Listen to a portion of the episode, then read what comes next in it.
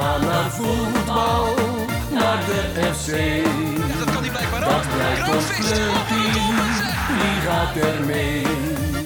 Is tegen Telstar of Helmond? En het Juichen wij, weer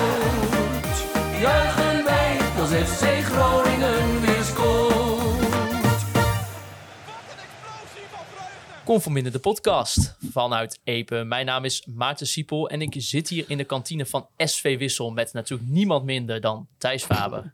Mooi. Daar was je een beetje van onder de indruk, merk ja, ik. nee, je kondigde me net anders aan toen je het verkloot, de intro. Nou, Wouter Rolzak Hallo. en Jeffrey Ras. Hallo. Ja, heren, we zijn hier bij SV Wissel in voorbereiding op de wedstrijd van FC Groningen. Die gaat oefenen tegen Deinze uit de Belgische tweede competitie, de Challenger Pro League. Eh, we dachten, het is nog even een goed moment voor deze wedstrijd om even onze afgelopen twee trainingsdagen te bespreken. Eh, gevolgd natuurlijk door de interviews die we nog eh, hebben gedaan afgelopen vrijdag. Hols, jij hebt nu ook hier die twee trainingen kunnen meemaken. Een beetje de sfeer kunnen proeven binnen deze selectie. Wat is een beetje jouw algehele indruk die je hebt over dit FC Groningen momenteel? Nou ja, je weet wat er gebeurt tijdens een trainingskamp. Hè? Dus er is eigenlijk nooit een slechte sfeer. Want eh, iedereen heeft nog eh, kans op een eh, basisplaats. En de nieuwe trainer is geweldig. Dat was vorig jaar zo. Dat was in de winterzomer Dennis van der Rey. Dat is nu weer zo. Maar ja, er bespeurt mij toch wel een gevoel dat het nu wel... Hè, dat er nu wel echt iets anders is dan de afgelopen twee keer. Dus dat er nu wel echt... Dat de spelers wel echt blij zijn met wat er nu aan de hand is. Waar, eh, waar zit dat hem in? Dat het toch een ander positief gevoel Ja, is dan je- onder Frank Wormoed? Nou ja, de, de- je hoort wel eens een verdwaalde opmerking van... we hebben nu al in twee weken tijd meer duidelijkheid dan eh, wat we moeten doen... dan in het hele vorige seizoen. Dat soort eh, opmerkingen vliegen wel eens over de tafel. En ja, je hebt een staf. nou ja, vorig jaar stonden wij een grapje te maken langs het veld. En toen werd er boos naar ons gekeken van... hé, hey, wees je stil. En dat bleek achteraf gewoon om te zijn dat die spelers... Frank Wormoed helemaal niet konden verstaan. Eh, dat is al veel beter, want er is een trainer die ze daadwerkelijk kunnen verstaan. En eh, nou ja, goed, ik heb gewoon het gevoel dat de mensen die op het veld sta- staan... het goed met elkaar kunnen vinden, goed met elkaar kunnen samenwerken... en daadwerkelijk eh, een idee hebben wat ze aan het doen zijn. Eh, Thijs, ik weet van jou ook dat jij ook wel voorzichtig bent rondom positivisme in, Mhm. een, in een trainingskamp. Hè? Of het nou afgelopen winter was in Barsinghausen vorig jaar. eh, en misschien nu ook wel hier bij, uh, bij Viegerheidebad en de SV Wissel. Maar wat, is de indruk die je hebt rondom eh Dick Lukien en zijn elftal? Nou ja, dat van de staf kan ik eh, sowieso onderschrijven op basis van eh, de afgelopen dagen. Ja, voor de selectie, dat vind ik nog lastig om in te schatten hoe het daadwerkelijk uitpakt. Ja, er wordt natuurlijk nu een beetje gehint op toch een 4-2-2 systeem. Nou, dat zou betekenen dat je ineens geen buitenspelers meer nodig hebt. Nou, vandaag ineens gerucht over Rui Mendes natuurlijk. Dat wel weer een buitenspeler is die in principe ook aan de binnenkant kan spelen, denk ik. Ehm, dus ja, wat betreft de selectie ben ik nog wel wat sceptisch. Omdat het toch wel veel dezelfde spelers zijn die vorig jaar ons ook hebben laten degraderen. Eh, maar dat het ontzettend gekenterd is, zeg maar, eh, op gebied van de sfeer in de groep, dat staat wel vast, denk ik. Dat is altijd zo op een trainingskamp, dus we moeten zien hoe zich dat ontwikkelt. Maar nee, ik onderschrijf wel wat, eh, wat de mening daarover is tot nu toe, ja. Ja, Jeffrey, jij een beetje als onze reisgenoot. Jij was er ook bij in Hannover en Barsinghausen. Eh, zie jij ook een verschil ten opzichte van toen? Of Nee. En dat is denk ik ook waar alle reserves vandaan komen die Hols en Thijs net noemen. Is dat je toch bang bent dat je weer in hetzelfde riedeltje trapt als vorig jaar. Ehm, maar ontegenzeggelijk is het niet gek dat je weer in dat riedeltje trapt. Want je ziet het wel echt. Je ziet veel onderling contact tussen de spelers. Een vrolijke staf. Eh, mensen maken een praatje met jou, met anderen, met iedereen die hier rondloopt. Een heel gemoedelijk sfeertje. Ehm, dat kan heel positief zijn. Ehm, dat dachten we vorig jaar ook. Dus vandaar niet gek dat je voorzichtig bent. Maar ik vind de eerste eh, voortekenen heel... eh, eh, eh, de goede kant op. Nou, er is wel één indicatie bijvoorbeeld. We hebben drie spelers geïnterviewd. Die eh, interviews komen achter deze aflevering aan. En een van, daarvan was eh, Michael Ver... Jongens, Verrips. Jij, jij jij gaat het nooit goed kunnen Nee. uitspreken. Michael Verrips. Nee, Verrips. Michael Verrips? Michael Verrips. Michael Verrips. En die zegt, eh, nou, Dick Lukien die komt eh, hier en in, bij de eerste trainingen maakt hij een paar grapjes. En de selectie, ja, of durft niet, of er is gewoon niet de, de, de, de cultuur in die groep dat je dan lacht. Want dat hebben ze gewoon overgenomen a- van vorig seizoen. Dat vorig seizoen was het niet de cultuur om als er een grapje werd gemaakt, dat je dan lachte met elkaar. ja. En dat vind ik toch wel heel ja, typerend voor wat wij, waar wij de afgelopen, het afgelopen jaar naar hebben gekeken. En eh nou wil ik niet zeggen dat met een grapje je wedstrijden gaat winnen. Maar Maar het zegt natuurlijk wel iets over dat een, een speler, die, spelers die toch vaak wel een beetje op hun woorden passen, dat hij zoiets wel gewoon aan ons vertelt. Dat het gewoon Ja. echt niet leuk was afgelopen seizoen. Nou, en dat, dat proef je sowieso wel hè, in de gesprekken die we hebben gevoerd. Of er nou in de interviews is die na deze eh, podcast zullen volgen. Of ook al die mensen hebben kunnen horen met bijvoorbeeld Joost Schreuders, eh Luciana Valente. ehm, is dat, weet je, te lang praten over vorig seizoen is ook wel heel erg lastig. Want iedereen weet dat het gewoon keurt slecht was. Ja. Dramatisch, het ergste wat deze club heeft kunnen overkomen. Maar als je ook die jongens daar even individueel naar vraagt wat het voor hen betekende.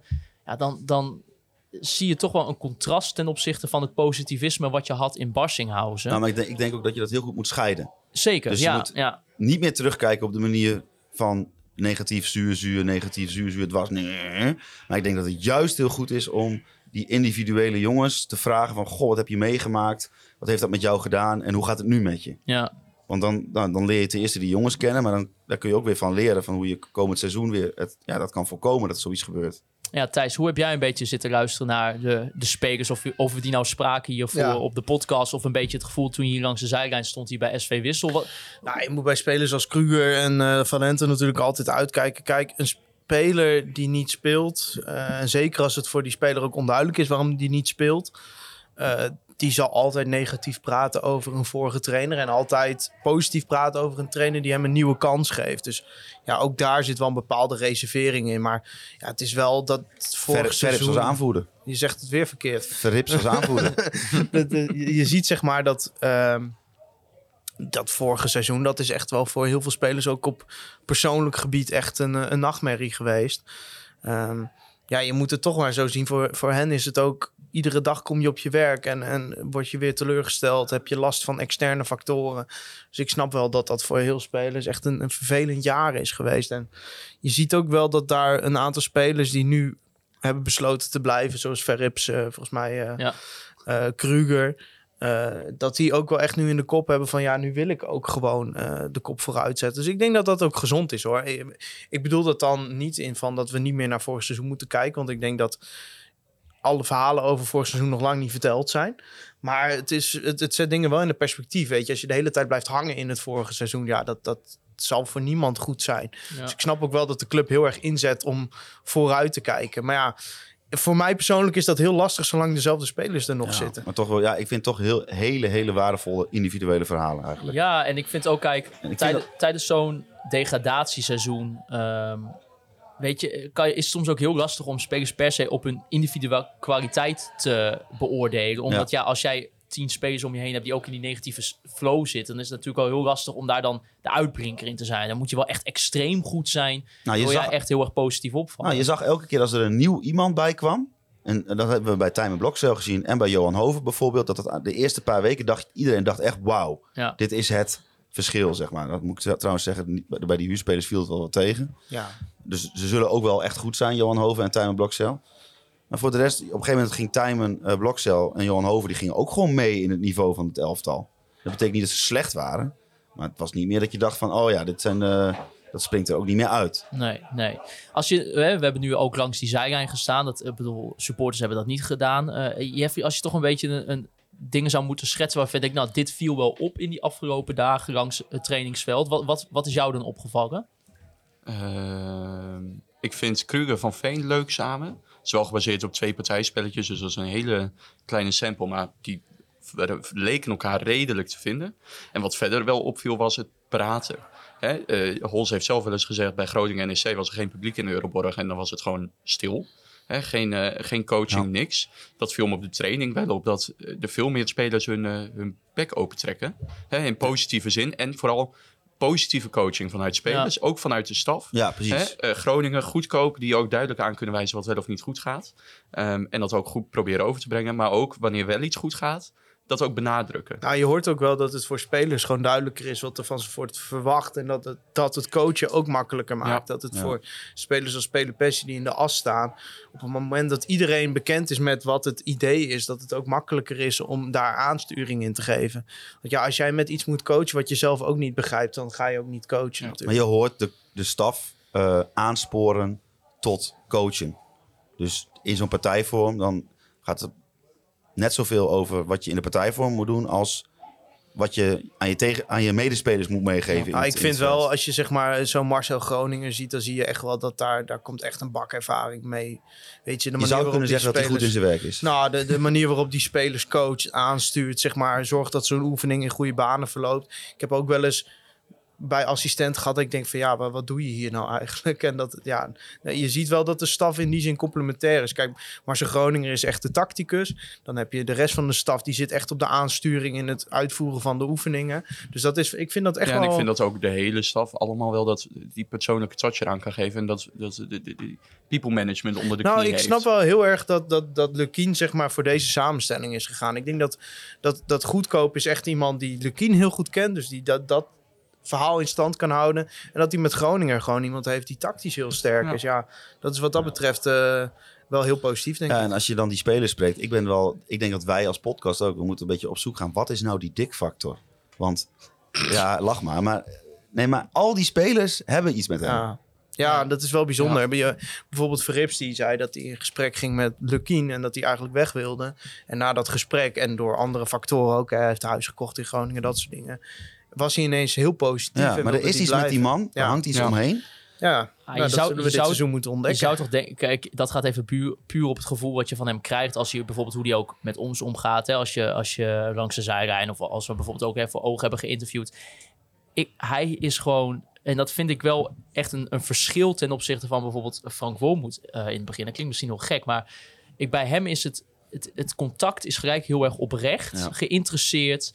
Ehm, en als ik dat zou moeten vertalen, denk ik naar zo'n spelersgroep, kan ik me wel heel erg voorstellen dat als jij gewoon kna- Ja, gewoon daar hard- komen hier wel. De, we zitten in de, het is een sfeerverslag, hè? Het is Dus, een eh, sfeerverslag. Nee, de sfeer eh, is van harte welkom. er mag, eh, ja, onder dit systeemplafond. Breek maar in. het is niet onze persruimte. Nee. Dus, eh, Maar ik, ik denk als, je, als, als ik Dick Lukien zou typeren met hoe hij tot nu toe met bijvoorbeeld ook met ons omgaat. Als ik denk als je dat binnen een selectie. Ik denk als jij voor Dick gewoon doet wat je werk is, hoe simpel dat ook klinkt. Denk ik dat, dat je van Dick gewoon heel veel vertrouwen krijgt. maar En dat Dick echt een soort van vaderfiguur voor je kan zijn. En ik denk ook voor een Michael Verrips, die inderdaad gewoon een afgrijzelijk in ieder geval jaar heeft gehad qua in wat voor club die terecht is gekomen. Ook een wat mindere periode heeft gehad, maar ook wel gewoon goed heeft gekiept. Ja, denk ik wel dat Dick, en dat heeft hij dus ook gewoon bevestigd, dat Dick gewoon een, een, een figuur is waarvan je denkt van ja, weet je wat, eh, hier heb ik gewoon vertrouwen in. Deze man geeft mij vertrouwen en nou ja, dit is gewoon de Nou, basis dat is, voor dat is wat natuurlijk zegt qua, qua complementariteit. Is, je moet ook niet te moeilijk maken voor jezelf. En volgens mij heeft Dick Lukien heel goed door dat zijn voornaamste job is om 25 man ongeveer tevreden te houden. En te zorgen dat je op persoonlijk niveau goed met ze bent. En iedere week elf te kiezen die je neerzet. En dan heeft hij eh, met Groninger eh, in ieder geval een assistent erbij die eh, extra kon onder- ondersteunen in de principes en de patronen. Ja. Maar kan, het belangrijkste stuk, dat is denk ik Dick zijn- beste punt. Ik kan wel een, een, een contrast schetsen met Dennis van der Ree. Dennis van der Ree werd trainer en wij gingen, ik ging naar die eerste twee persconferenties toe. Dennis van der Ree is ook een hartstikke aardige vent.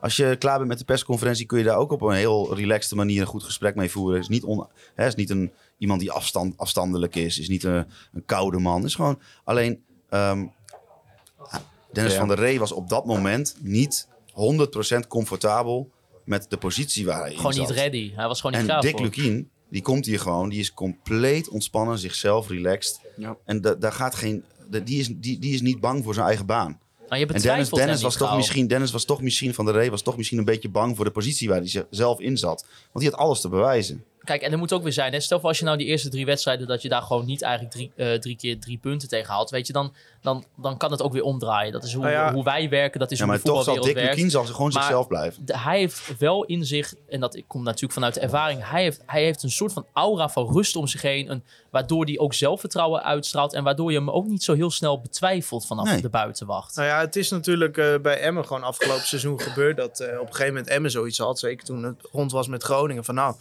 eh, eruit en we gaan het met iemand anders proberen. En toen heeft de spelersgroep daar gewoon gezegd: ja, sorry. Blijf hem maar aanstellen, want eh, anders gaat het sowieso mis. Ja, dat zegt wel Dat veel over.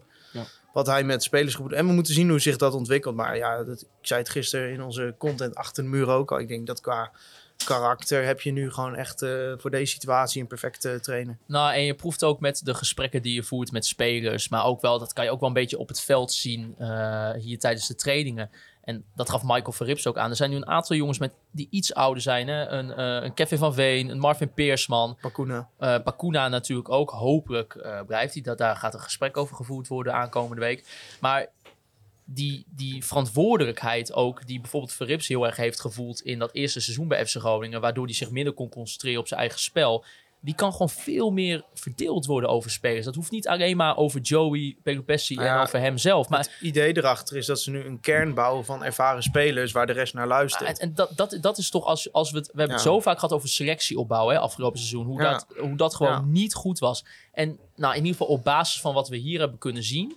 Lijkt dat veel meer eh, goed uitgebalanceerd te zijn, denk ik, toch? Ja, Ja. ze- Maar zeker dat eerste half jaar natuurlijk. dat Waarbij, kon ook al snel trouwens. hè. Ja. Dat was, eh, ja, ook dat eerste half jaar waarbij je dus al een trainer hebt die eh, zich totaal niet verstaanbaar kan maken en niet duidelijk kan maken. Met een andere overige technische stafleden die daarvan ook hun eigen gedachten bij hadden. En nu voelt het wel heel erg alsof alle neuzen dezelfde kant op staan. Ja, en dat had ik eh, vorig jaar in Barsinghausen zeker niet. Dus eh, ik ben voorzichtigjes positief, maar ik denk dat er op selectiegebied nog wel een en ander moet gebeuren. Ja, want wat daarin niet veranderd is, we kregen net een blaadje met de opstelling. Eh Duarte, Iran Dust, Beukert, Rente, nog een twee, drietal, allemaal geblesseerd. Die zijn er allemaal niet bij.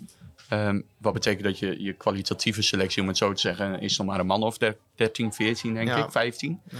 Ehm, dat is wel zorgwekkend. Zeker Ja. voorin hou je gewoon, volgens mij de tweede helft, ik heb het niet gecheckt, volgens mij eh Kian Slor en uh, Ja, eh, en dan voorin. vergeet je nog dat eh, Meta en eh, Nick Bakker niet eens mee zijn. Nee, precies. Dus je zit gewoon al op een man of acht wat in de, in de lappenmand zit. Ja, dat vind ik na twee weken voorbereiding wel heel veel. Ja, nee, Klopt. klopt. Maar eh, weet je, ik bedoel, eh Rui Mendes wordt dan nu genoemd. Dat, eh, die zou dan kunnen overkomen van, van FC Emmen. Wat in Emmen momenteel nog niet helemaal lekker valt. Maar eh, is wel een speler die bijvoorbeeld in de KKD heeft laten zien dat hij gewoon doelpunten kan gaan maken. Nee, dat is... Maar is natuurlijk Ik word logisch. hier live gecorrigeerd. Je vergeet Tom van Bergen en Romana Post. Die zijn er ook niet bij. Ja. Oh, die zijn er wel bij. Ja, oké. Nou ja, maar in ieder geval, overal moeten, moeten natuurlijk nog best wel wat. Even die laatste stuk, er moet nog wel even wat gebeuren in die selectie. Ja. Maar daar heb je toch ook nog wel de tijd voor. Ja, je hebt nog vier weken, min een dag. Dus Ja. drie weken, zes Ja, dagen en tot dan de wedstrijd. en dan En, je wil ze natuurlijk wel een week of twee mee kunnen Ja, laten maar dan, trainen. dan heb je nog drie weken om eh, het spelers te halen daarna. hè?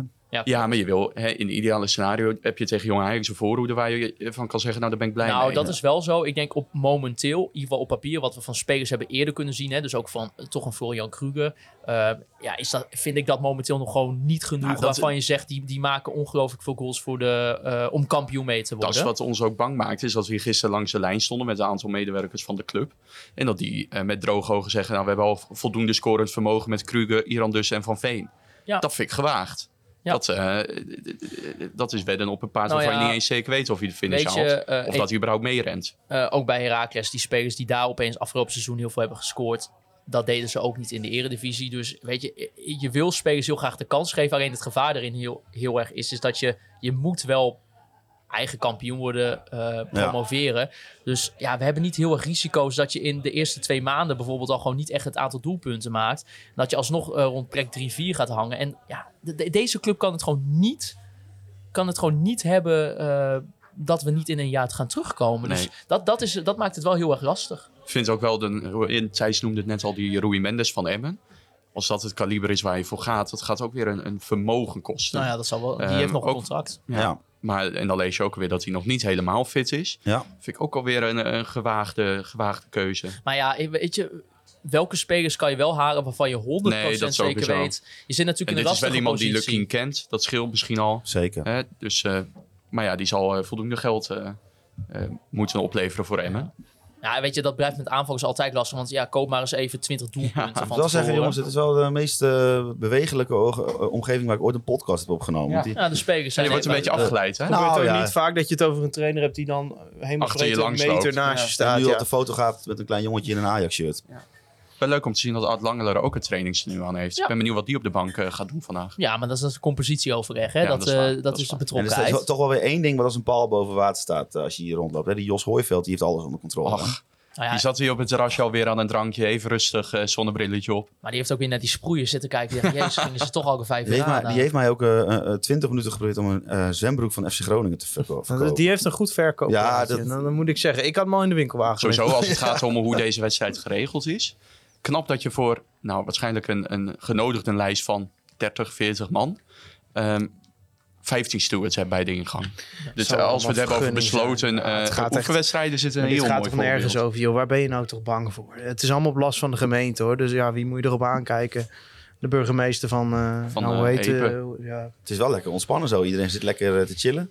Nee, dat is fijn. Maar, maar Thijs, als, als we even de situatie schetsen. Stel voor Rui Mendes komt. eh, Ja. en je, nou, je verliest nog twee spelers op het middenveld. Hè, want dat hebben gezegd, daar moet je nog wel wat kwijt. Heb jij dan voldoende vertrouwen al in, in de selectie in aanloop naar Jong Ajax? Of zou je dan zeggen van ja, dat, dat, Scorende 10. dat nog wel? Ja. Dat ontbreekt. Ja, want ja, wie Maar heb je waar past een scorende 10 in een 4-2-2-2? Nou ja, eh, op een van die twee aanvallende posities op het middenveld. Ja, maar je kan toch niet met vier aanvallers als je Kruger en Van Veen voorop hebt? Ja, maar ik heb niet het gevoel Rui dat je Mendes. momenteel een aanvallende middenvelder hebt die er eh, 10 in schopt. En ik denk dat je dat nodig hebt als je kampioen wil worden. Ja, precies. Ik denk niet dat Iran dus dat is. Maar is het wel als hij fit is. Maar, Is hij niet? Dat is hij nooit. En ik denk dat Valente dat, ja, ondanks dat het zijn persoonlijk doel is, eh, zoals we hebben kunnen horen. eh, ja, het is niet alsof hij dat in de jeugd wel deed, zeg maar. Nee. Nee, daarom. Dus er zijn echt nog wel heel veel onzekerheden waar je toch wel de komende weken wat, eh, wat mee moet. eh, ik ben benieuwd. Eerst zo eh. meteen even 120 minuten FC Groningen Deinzen. Dus Ja, wat wel leuk is, is dat bij Deinze eh, zit de zoon van Vandy. ja, dat is wel... eh, Daar hebben we Een nog leuk eh, daar hebben we zo'n beetje eh, onderzoeksjournalistiek op gepleegd Ja, de afgelopen dagen. Nou ja, je, je gaat even nou naar ja, er staat gewoon op. Transfermarkt dat het de zoon van Van die is. Ja, maar Dus toen Jeffrey, geloof, Jeffrey geloofde niet, want op Urk krijg je geen kinderen meer na je 40ste. Nee, dat heeft die Vandy dan toch wel Nee, ik ben niet zo goed gelovig. Nooit geweest. Nou, als je het over de duivel Als hebt. je het over duivel, Jos Holyveld. Kom er even bij. Nee. Die loopt er ook bij alsof hij alles... Die loopt er ook bij alsof hij het goed geregeld Ja. heeft. Ja, dat is... eh, Ja, dit had Ibiza kunnen zijn of Wissel. Het is Wissel geworden. Ja. Ja, want Jos, Jos, kom, ik, hey, Jos, ik wil toch even van je weten. Jij hebt dit, dit, eh, dit complex uitgekozen. Vertel even, hoe ben jij hier bij Villa Heidebad uitgekomen en bij SV Wissel? Oeh, dat was wel mooi, want ik was eerst eh, bij, een andere, eh, bij een andere plek, eh Hoenderloo. En ja, dat vond ik zelf niet zo, dat vond ik niet zo geschikt. Het was ook wel een goed veld, alleen ik vond de accommodaties niet, zo, eh, niet van de tijd. En toen kwam ik via Gert Peter, Gert Peter de Gunst. Die eh, zei tegen mij van eh Villa Heidebad is altijd fantastisch. En daar ben ik toen direct heen gereden. En daar waren ze, ik had ze gebeld. En in vijf minuten zeiden ze van ja, die tijd hebben we nog vrij wanneer jullie willen komen. Toen ben ik gebeld, ben ik erheen gereden. Ik zeg, hou die tijd voor ons vast. Want het werd eh, behoorlijk dringen op de markt, zeg maar, van wat er beschikbaar was. En ik vind een van de belangrijke dingen is dat je het veld dichtbij hebt. En jezelf toen als, als speler in zo'n zweet in de bus gaan zitten, eh, dat is gewoon niks. Dus dan kun je beter gewoon een veldje heen lopen. Eh, dit hele, dan het hele hotel is dan van ons. Dus daar heb je eh, echt alles eh, tot je beschikking. Dat was ook wel echt heel fijn. Ja, en, en, en ze, zij hebben eh, ervaring met meerdere clubs. Dus toen dacht ik van nou, die pakken we maar door. Ja, en tevreden erover. Ik ben heel tevreden, absoluut. Ja, zeker. Ja, de velden zijn fantastisch. Je hebt eh, Sproeiers. sproeiers. die kun je bedoelen. Drie, drie soorten. Ja. ik vind het jammer dat er niet direct druk op zit. Ja? Iedereen kan nog wegrennen als Maar dit is toch het soort summum van jouw, jouw week als teammanager dan? Ja. En dan Ja, vanavond absoluut. een flinke borrel? Of eh, Nee, ik drink niet. ook al niet? Je bent Nee, ja. een hele saaie staf, hè? Veel te degelijk. Ja, klopt hoor. Het is allemaal heel anders geworden. Ik bedoel, als je zo'n lichaam als ik wil houden, dan, eh, dan moet je er wel Maar ja, gewoon, je gewoon goede geen dingen in spitsen meer te verdedigen, dus dan maakt het Vergis je niet. Ik sta er in ieder geval klaar voor. dus dus echt, als, als er uiteindelijk nog... Ik heb net de blessurelijst gezien. Ja, dus, we eh, kunnen wel even verdedigen gebruiken zo. Ik heb er druk op gezet, maar ze kozen toch voor twee jongens erbij. wel ervaring. Ik bedoel, eh, er zijn volgens mij weinig clubs waar jij niet gevoetbald hebt. Dus Ja, eens. Weinig rivalen ook, waar jij niet gevoetbald hebt. Ook dat, ook dat. Ik Nou, heb mooi. wel aardig wat gehad. Ik moet even naar de scheidsrechter even vertellen wie er allemaal Wie meedoet. is de scheids? Eh, Dat weet je niet. oh, Jesse. Jesse. Ja. Nou, ik hoop dat Doe hij eh, alles groetjes. in, eh, in goede banen gaat, eh, gaat rijden natuurlijk. Ik ook. Succes Jos. Ja. Top. Jij bedankt. Yo! ik, weet je wat ik hier het Ik mooie heb een vind? vermoeden wie, de, wie, Wat wat, een wie kijkje deze achter de scheids is. schermen. Hele slechte scheids. Ja? Ja. Ah. nee, Jesse toch. Besselsen, ik Ik- kan er niks van. Jongens, we moeten nu toch wel heel eerlijk zijn. Wij hebben, wij hebben een beetje grapjes gemaakt over Gert-Peter de Gunst. Maar hij is, Dit is wel het fundament voor dit. Dit is het eerste wat MotoGP goed gedaan heeft bij FC Groningen. Gert-Petertje. Nou, Ja, lekker man. Ja, nee, maar we kunnen grapjes maken over die man wat, eh, wat ze willen, maar dit heeft hij gewoon uitstekend. Ja, maar met, met even dit, hè. dit. Dit is wel toch een beetje de samenvatting voor toch hoe het gevoel is. De Ja. spelers lopen momenteel naar buiten. Ja, Ja, ze hebben er zin in, zie ik. Nou, maar ik, weet je wat Ja, het is? zie je dat? ik, dat is wel echt zo. ehm, ik, dat vind ik wel de perfecte samenvatting van de afgelopen paar dagen. Is ook in Barsinghausen was het positief, maar het, dit is wel een slag anders. Dat vind Het ik. is wat relaxter allemaal. Wat, Ja. eh, wat minder klinisch. Ik vond het allemaal nog wel allemaal. hoort Thijs in jouw stem hoor je de angst. Jij wil niet te positief zijn. Nee, maar mag het even? Ja, na ik ben het seizoen? helemaal met je eens. Ja, ik vind het ook heel goed dat jij deze rol pakt. Ja, ik had ook niet verwacht dat zij deze rol zou pakken. Ja, maar het is niet geforceerd of zo. Hè? Want Nee, ik snap je punt ik, ik kan in een heleboel dingen meegaan. Maar het zijn nog steeds dezelfde kneuzen die ons hebben laten degraderen. Ah, ja, Oké. Voor een deel. Eh, bij wijze van spreken. Nee, dat is ook wel Ja. zo. Hier, hoppakee. Een nieuwe, Oké. nieuwe Staat van die erin is Van die in de basis? Van die in de basis? Ik Oh, weet- Wat veel namen, joh. Ja, Nou, eh, geef maar. voor mij allemaal eh, Heb jij je bril op, Maarten? Want, Watch, Ja. De watchbril. de watchbril, maar... eh, Ik zie wel eh, Sven Braken Sven doet Braken. niet mee. oh. dat is- Dat is jammer. Dat is de enige bekende naam die er zie was. je wel, Van die was volgens Transmarkt geblesseerd. En, nou, ja. We gaan hier nog verder op. We gaan hier nog straks verder op in. Eh, ik denk dat we hem even voor, eh, voor hier gaan, eh, gaan afsluiten. Eh, we gaan nog even straks naar een stukje sfeerverslag wat we hebben langs de rij. Want we gaan immers naar vier keer een half uur kijken van FC Groningen tegen het Belgische Deinzen. Gevolgd nog met drie interviews met onze nieuwe spits die hopelijk 800.000 doelpunten gaat scoren, Kevin van Veen. En we spraken ook nog Als we met... dat eh, op TikTok kunnen zetten, dan, dan, dan zijn we binnen. dan Ja, zijn we binnen. Daar hoeven wij nooit meer te werken. Dan sprak ik ook nog met Florian Kruger, een speler eh, die ik persoonlijk wat interessant vond, omdat het, dat, ja, daar heb je eigenlijk nog niks van gehoord. En voor wie het ook persoonlijk eigenlijk wel een heel lastig jaar was. En dan hadden we ook nog eh, eh, inderdaad... eh, Marco Verrips. Michael Verrips, inderdaad. Dus dat is eh dat hartstikke leuk. Daar gaan jullie goed. sowieso Nee, naar luisteren. weer. Steve de Ridder. Ik zei toch Verrips? Verrips. Ridder op het formulier bij... Wauw. eh, Jongen, jongen, ja, nou, is- dit is geweldig. Jongens, eh, we gaan lekker langs de zijlijn Speelt hij? staan. Nee, en hij dan, speelt eh, niet. Kut. Ah, dat is jammer. Nou ja, we gaan even lekker langs de zijlijn staan om te kijken of we nog wat dingen kunnen oppikken hier bij Villa Heidebad en SV Wissel. Ondertussen is het eh, eerste half uur van FC Groningen tegen het Belgische Deinse voorbij. Hols, is jou nog eh, wat opgevallen? Nou ja, wat wij al eh, hadden vernomen na de wedstrijd tegen eh, Go Ahead Eagles. Dat eh, wordt doorgezet. Dus FC Groningen die gaat eh, de voorbereiding voor, voornamelijk spelen in een 4-2-2-2 opstelling. Met dus twee, ja, wat is het, een beetje hangende aanvallende middenvelders aan de zijkanten. Niet echt buitenspelers. Ja. En nou, dat wordt hier in Wissel wordt dat doorgezet. Ja, nee, en inderdaad, Ortman Groen en Van Rente momenteel eigenlijk de spelers die die functies Ja. invullen, die posities. Ja, Jeffrey, valt jou ook nog verder wat op? Eh, positieve op, eh, opvallendheden vind ik het duo eh, Joey Pelopessi Jorg Schreuders. Beiden heel spraakzaam, aanwezig, pakken veel ballen af ehm, en verdelen het spel ook. Dus dat vond ik echt positief om te zien. Als je het dan over het middenveld hebt, vind ik dat de twee positieve personen. De twee die daar dan weer voortstaan, vind ik wel zwaar tegenvallen tot nu. Um, Oran Mangoen raakt bijna iedere bal die hij krijgt, raakt hij kwijt. Valente hebben we nauwelijks gezien. Um, dus dat is, nou, ik denk dat ze dat ook wel weten bij de club. Dat zijn de posities waar nog best wat, uh, wat bij mag, uh, lijkt mij. Ja, dat Deinse jongens, daar, zit, daar zitten ook een paar beren bij. Dat is ongelooflijk. Er zit hier een nummer 23. Ik heb zijn naam even niet zo bij de hand, maar die zit hier ook op van die, die klassieke Adidasjes te lopen. Wat hè? vind je van hun kit, uh, Maarten? Ja, afgrijzelijk. Wat een vreselijk shirt. Koningshand nu, hè? Ja, een beetje, ja, Nederlands elftal 2010. Uh, het is afgrijzelijk, geen naam op de rug. Ik, ja, Thijs is boos, ik hoor weet het dat? niet. ja, het onweert. Thijs is boos. En, uh, en ja, voor de rest... Uh, ja, en, en, de zoon van Van, die zit nog op de bank. Maar die, ja. die moet ook nog even... Die heeft nog wat pijntjes, ja. uh, blijkbaar, hè? Ja, ja, en als we uh, het absolute hoogtepunt moeten noemen... dat is natuurlijk de goal. Ja. Uh, een actie, of ik weet niet of het een actie was... een voorzet van Liam van Gelderen die mee opkwam.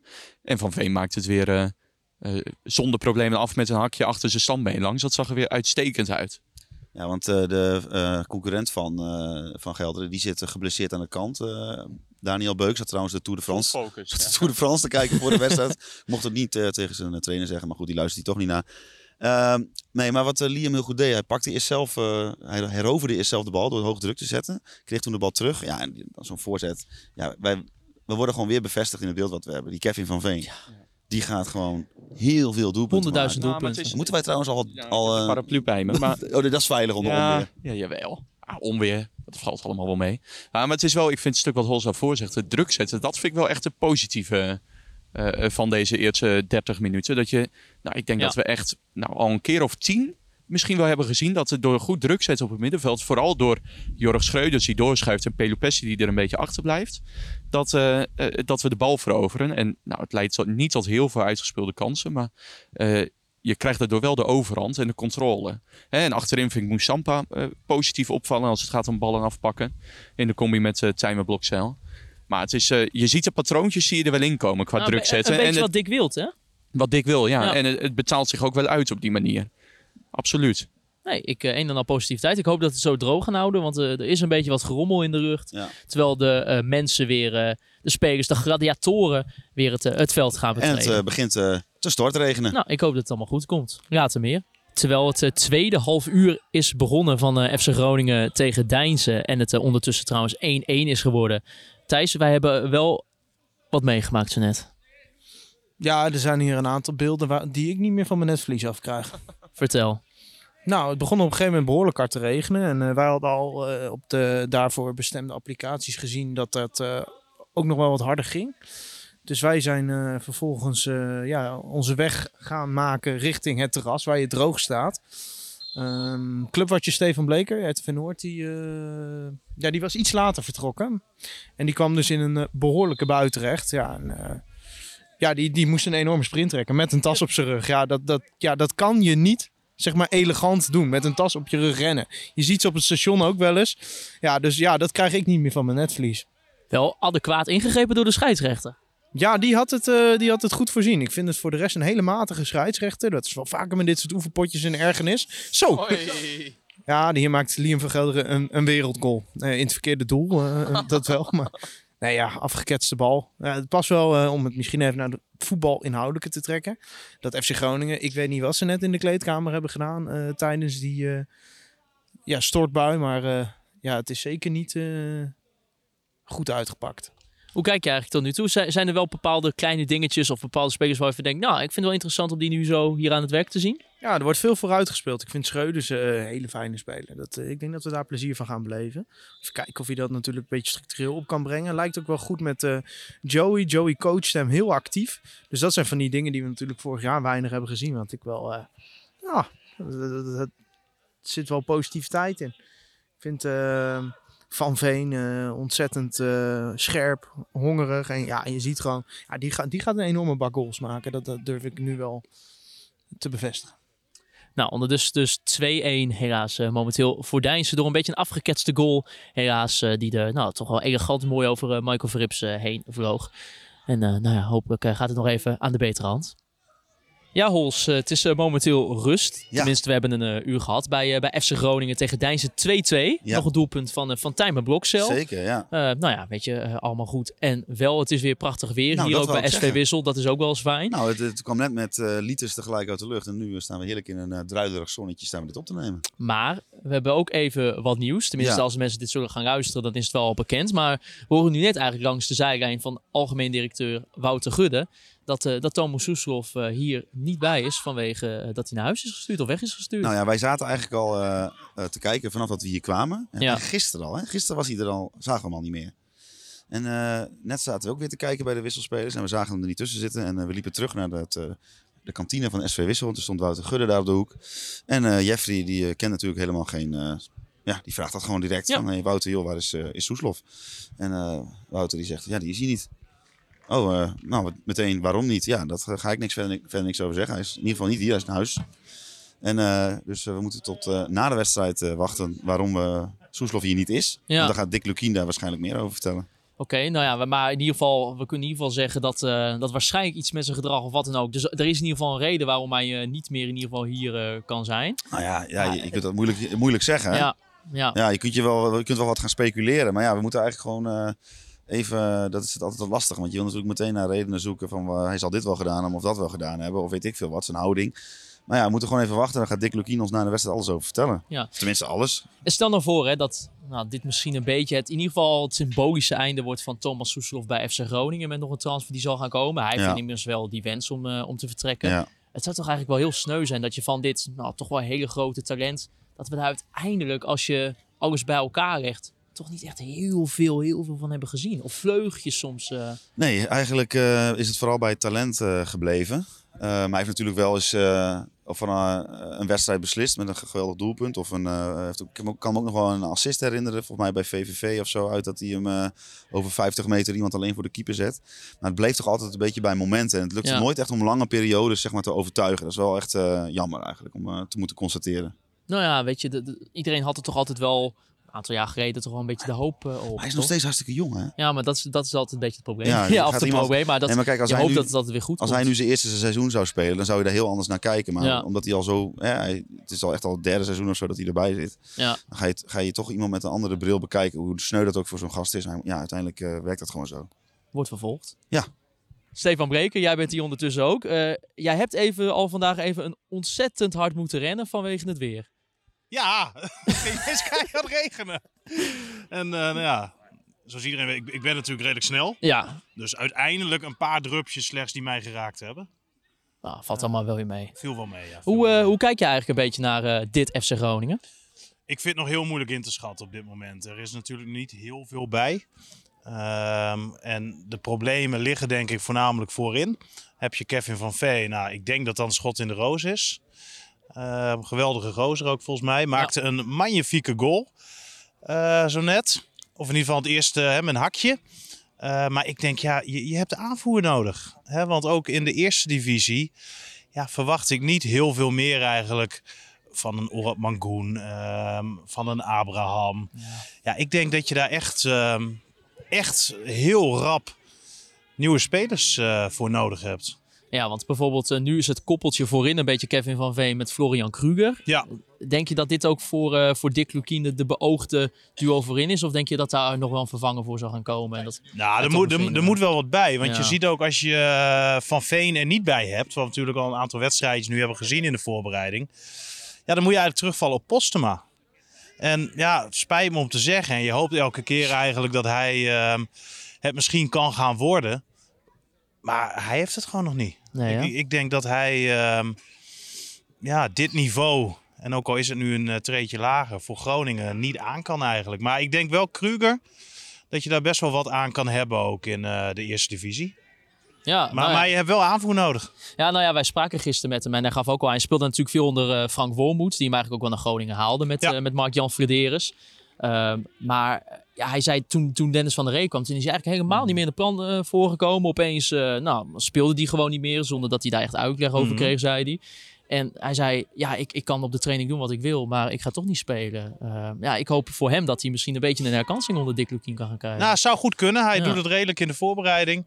Heeft ook al wel wat doelpuntjes gemaakt. En ja, ik, ik, ik vind dat een beetje een, een, een Michael de Leeuw type.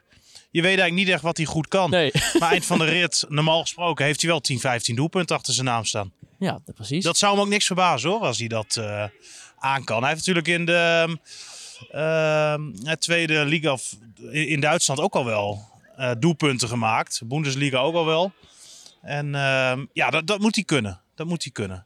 En een beetje je eerste indrukken van Dick als, eh, nou, weer als trainer van FC Groningen na die aantal weken. Nou, ik denk als we nu ehm, het een beetje gaan vergelijken met vorig seizoen. ehm, er wordt ineens weer gepraat vanaf Fijn, de kant. fijn. Het is- Hè? je, je, hoort weer dingen. Lukien is iemand die die spelers bij de les houdt. Eh, die ze af en toe ook goed uitscheldt. Heel kwaad kan worden. Maar ook wel iemand een, een, een arm over de schouder kan gooien.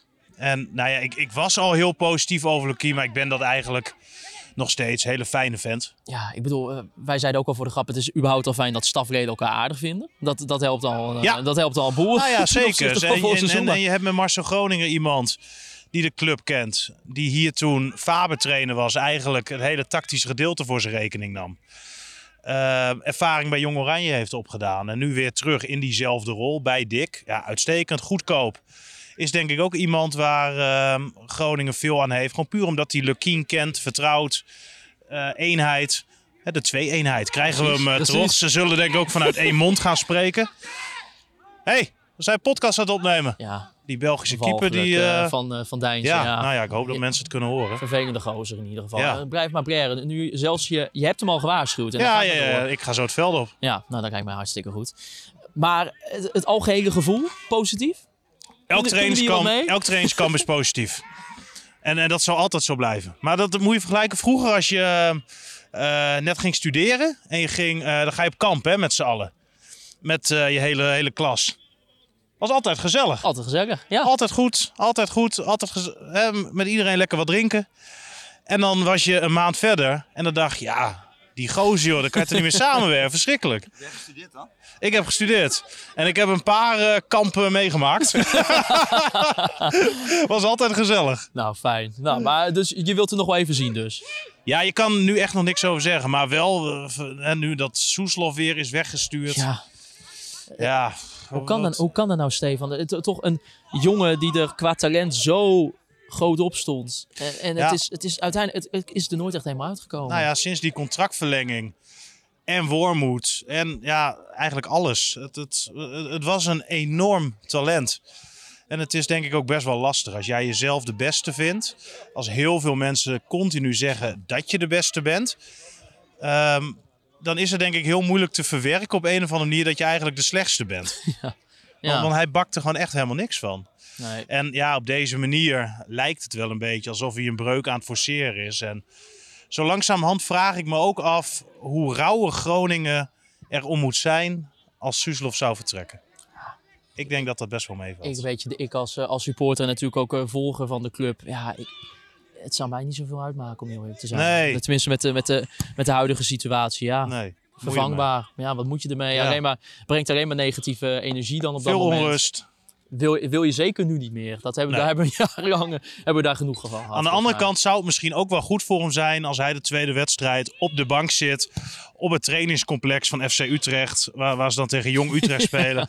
Dat hij even ziet hoe zijn carrière op dit moment er echt voor staat. Ja, precies. En dat is het best. Nou ja, wie weet. Eh, zijn er Oh, verder... Postema. Oh, oh, Postema. Postema, joh. Ja joh. Nou, Zo. Koek, koek. Ik eh, moet verder met mijn verslag, want ik had hem al af. god, dat is altijd jammer. Nou. Ja, En bedankt. kan je weer gaan typen. Ja, Nou ja, je was zo net nog een beetje negatief over Postema. Gaat hij wel redden, maar geweldig. het is een geweldige spits uiteindelijk. eh, geweldenaar. Nou, helemaal, ga jij maar lekker even verslag, Stefan. Ondertussen staan wij op het eh, hoofdveld van eh, SV Wissel, waar FC Groningen dus eh, heeft gewonnen van Deinze met 4-2. Eh Hols, wat is nou eigenlijk jouw samenvatting van de afgelopen dagen? Soeslof. Nee, grapje. Nee, het is natuurlijk wel bijzonder dat eh, zo'n jongen die, eh, nou, waar we eigenlijk allemaal met z'n allen wel een beetje een beeld van hebben, dat hij eh, een beetje, ja, soms wat over het paard getild gedrag vertoont, dat hij dan tijdens de eerste beste trainingskamp onder de nieuwe trainer naar huis wordt gestuurd. Dat vind ik eigenlijk wel veelzeggend over hem. Maar? Dick, Dick is natuurlijk Dick, dus die maakt er een positief verhaal van. En die zegt hij is jong en hij kan zich ontwikkelen en hij kan leren. En maandag is hij gewoon weer erbij. En verder is het natuurlijk, eh, het, eh, ja, we doen het nu een paar keer, is het, het eh, jezelf constant afvragen van wat is deze positiviteit waard? Ja. Is het echt positief? Of moeten wij gewoon nog heel even, even afwachten hoe dit zich gaat ontwikkelen? Deze wedstrijd bijvoorbeeld, de beoogde basis, vond ik niet zo best. En ja, die jonge gastjes, die hebben er toch wel behoorlijk, behoorlijk wat energie in gepompt. En dat, eh, dat, eh, dat knalde alle kanten op. Ja. Dus eh, ja, nou ja, ik, het is genoeg om eh, in de gaten te houden.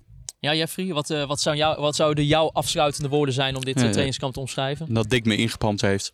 En dat hij ook fan van ons is. Hè. Hij zei het dat hij het mooi vond dat we er waren. Nou, dat, impliciet is dat ook direct een steek naar eh, onze concurrerende eh, collega's. Ehm, dus dat is mooi meegenomen. En verder eh, het eigenlijk eens met Hols. De basis maakte geen onuitwisbare indruk. Maar dat komt misschien ook omdat de helft van de basis op de massagetafel lag. Ja. Ehm, dus ja, genoeg aanknopingspunten. Maar het is vooral te hopen dat er in de breedte voorin wat bij komt. Zeker op die twee teamposities. Want anders ga je niet, eh, anders ga je met jong, zelfs aan jonge Ajax en jonge Utrecht een hele zware kluif krijgen. Ja, wat nog wel mooi was, eh, Jeffrey heeft iets in zijn binnenzak, namelijk een flesje met eh, iets heel smerigs, een soort eiwit shake. Ehm, die is van eh, Kevin van Veen, want eh, die liet hij staan. Dat vond hij smerig, dat dronk hij niet op, zei hij. Want ik ging eventjes naast hem staan. Hij stond in de tweede helft stond hij gewoon eventjes aan de, aan de, achter de, aan de boarding. Dus ik zeg zo, eh, joh Kevin, knappe goal hè. Want hij schoot hem achter zijn stand weer langs binnen. En hij kijkt me aan en hij zegt, nee, dat is helemaal niet knap. Ik heb pas vier keer getraind, ik ben helemaal niet fit. Als ik fit was geweest, had ik hem eerst drie keer hoog gehouden. Oh, oh, oh. En volgens mij toen jullie bij Joey aan het interviewen waren bij het hotel, toen kwam hij ook weer langs, had hij weer zo'n opmerking. Ja, hij zei makkie. Makkie over het aantal doelpunten. Zijn makkie, joh. We, hebben iemand binnen in dit Het is, gehaald. het is geweldig. Die, Ja. die gewoon, ja, ik weet niet wat het, precies- wat het precies is, maar die heeft echt scheid aan alles. Ah. Hij zei ook nog tegen mij eh, van, eh, ja, eh, als ik hier klaar ben in Groningen, dan ga ik direct weer naar Schotland. Ik vind helemaal niks aan hier. dus ik zeg, oh, wat dan? Nou, ik vind de mensen gewoon niet aardig in Nederland. Ik wil gewoon weer terug naar Schotland. Nou, Dus die gaat eh 100 doelpunten maken voor ons en dan gaat hij weer terug. hij moet eerst maar eens een keer even lekker de stad in. En dan, dan wil ik hem weer, praten graag over, eh, over Nederland. En ho- hopelijk, eh, misschien is over de Groningers wel wat aardiger. Ja, vast. Nou ja, wie weet. Thijs, jouw afsluitende woorden? Ja, de, twee scorende tienen. Dat, dat, Dat is dat, moet wat ik erbij. zeg. Dat is alles wat ik zeg. Want eh, we zagen Nee, nu ik Groen en maar- Valente. Ja, Maar dat is dat. Valente zou je nog een keer mee kunnen afwisselen om een keer wat anders te doen, maar ik mis echt doelpunten vanuit die eh, zeg maar aanvallende middenveldenposities. Ja, Kruger, ik geloof eh, niet helemaal. Als je hem dan vandaag weer ziet, hè, gisteren was ik dan denk ik, oh, misschien toch weer een kans geven en dan zie je hem vandaag weer bezig en denk ja. Ja, ik weet het niet. Ik Nee. weet het niet. Eh, weet je, dat Deinze, dat was op zich denk ik een vervelende ploeg. eh, redelijk fysiek allemaal. Maar hoe hij erbij loopt, hij mist diepte in zijn spel. Wat, wat Van Veen wel brengt. En eh, ja, ik zou eh, zo- zo'n Rui Mendes, waar we nu aan gelinkt worden. Ik zie Ja. helemaal waarom ze dat willen. Want die kan zowel op die teampositie als in de spits kan die naast Van Veen spelen. Ik, ik snap dat heel goed. En ja, hij schijnt nog niet helemaal fit te zijn trouwens. In de dagblad stond dat hij fit was. Maar dat is eh, volgens eh, onze favoriete FCM-watcher Niels Dijkhuizen zeker niet het geval.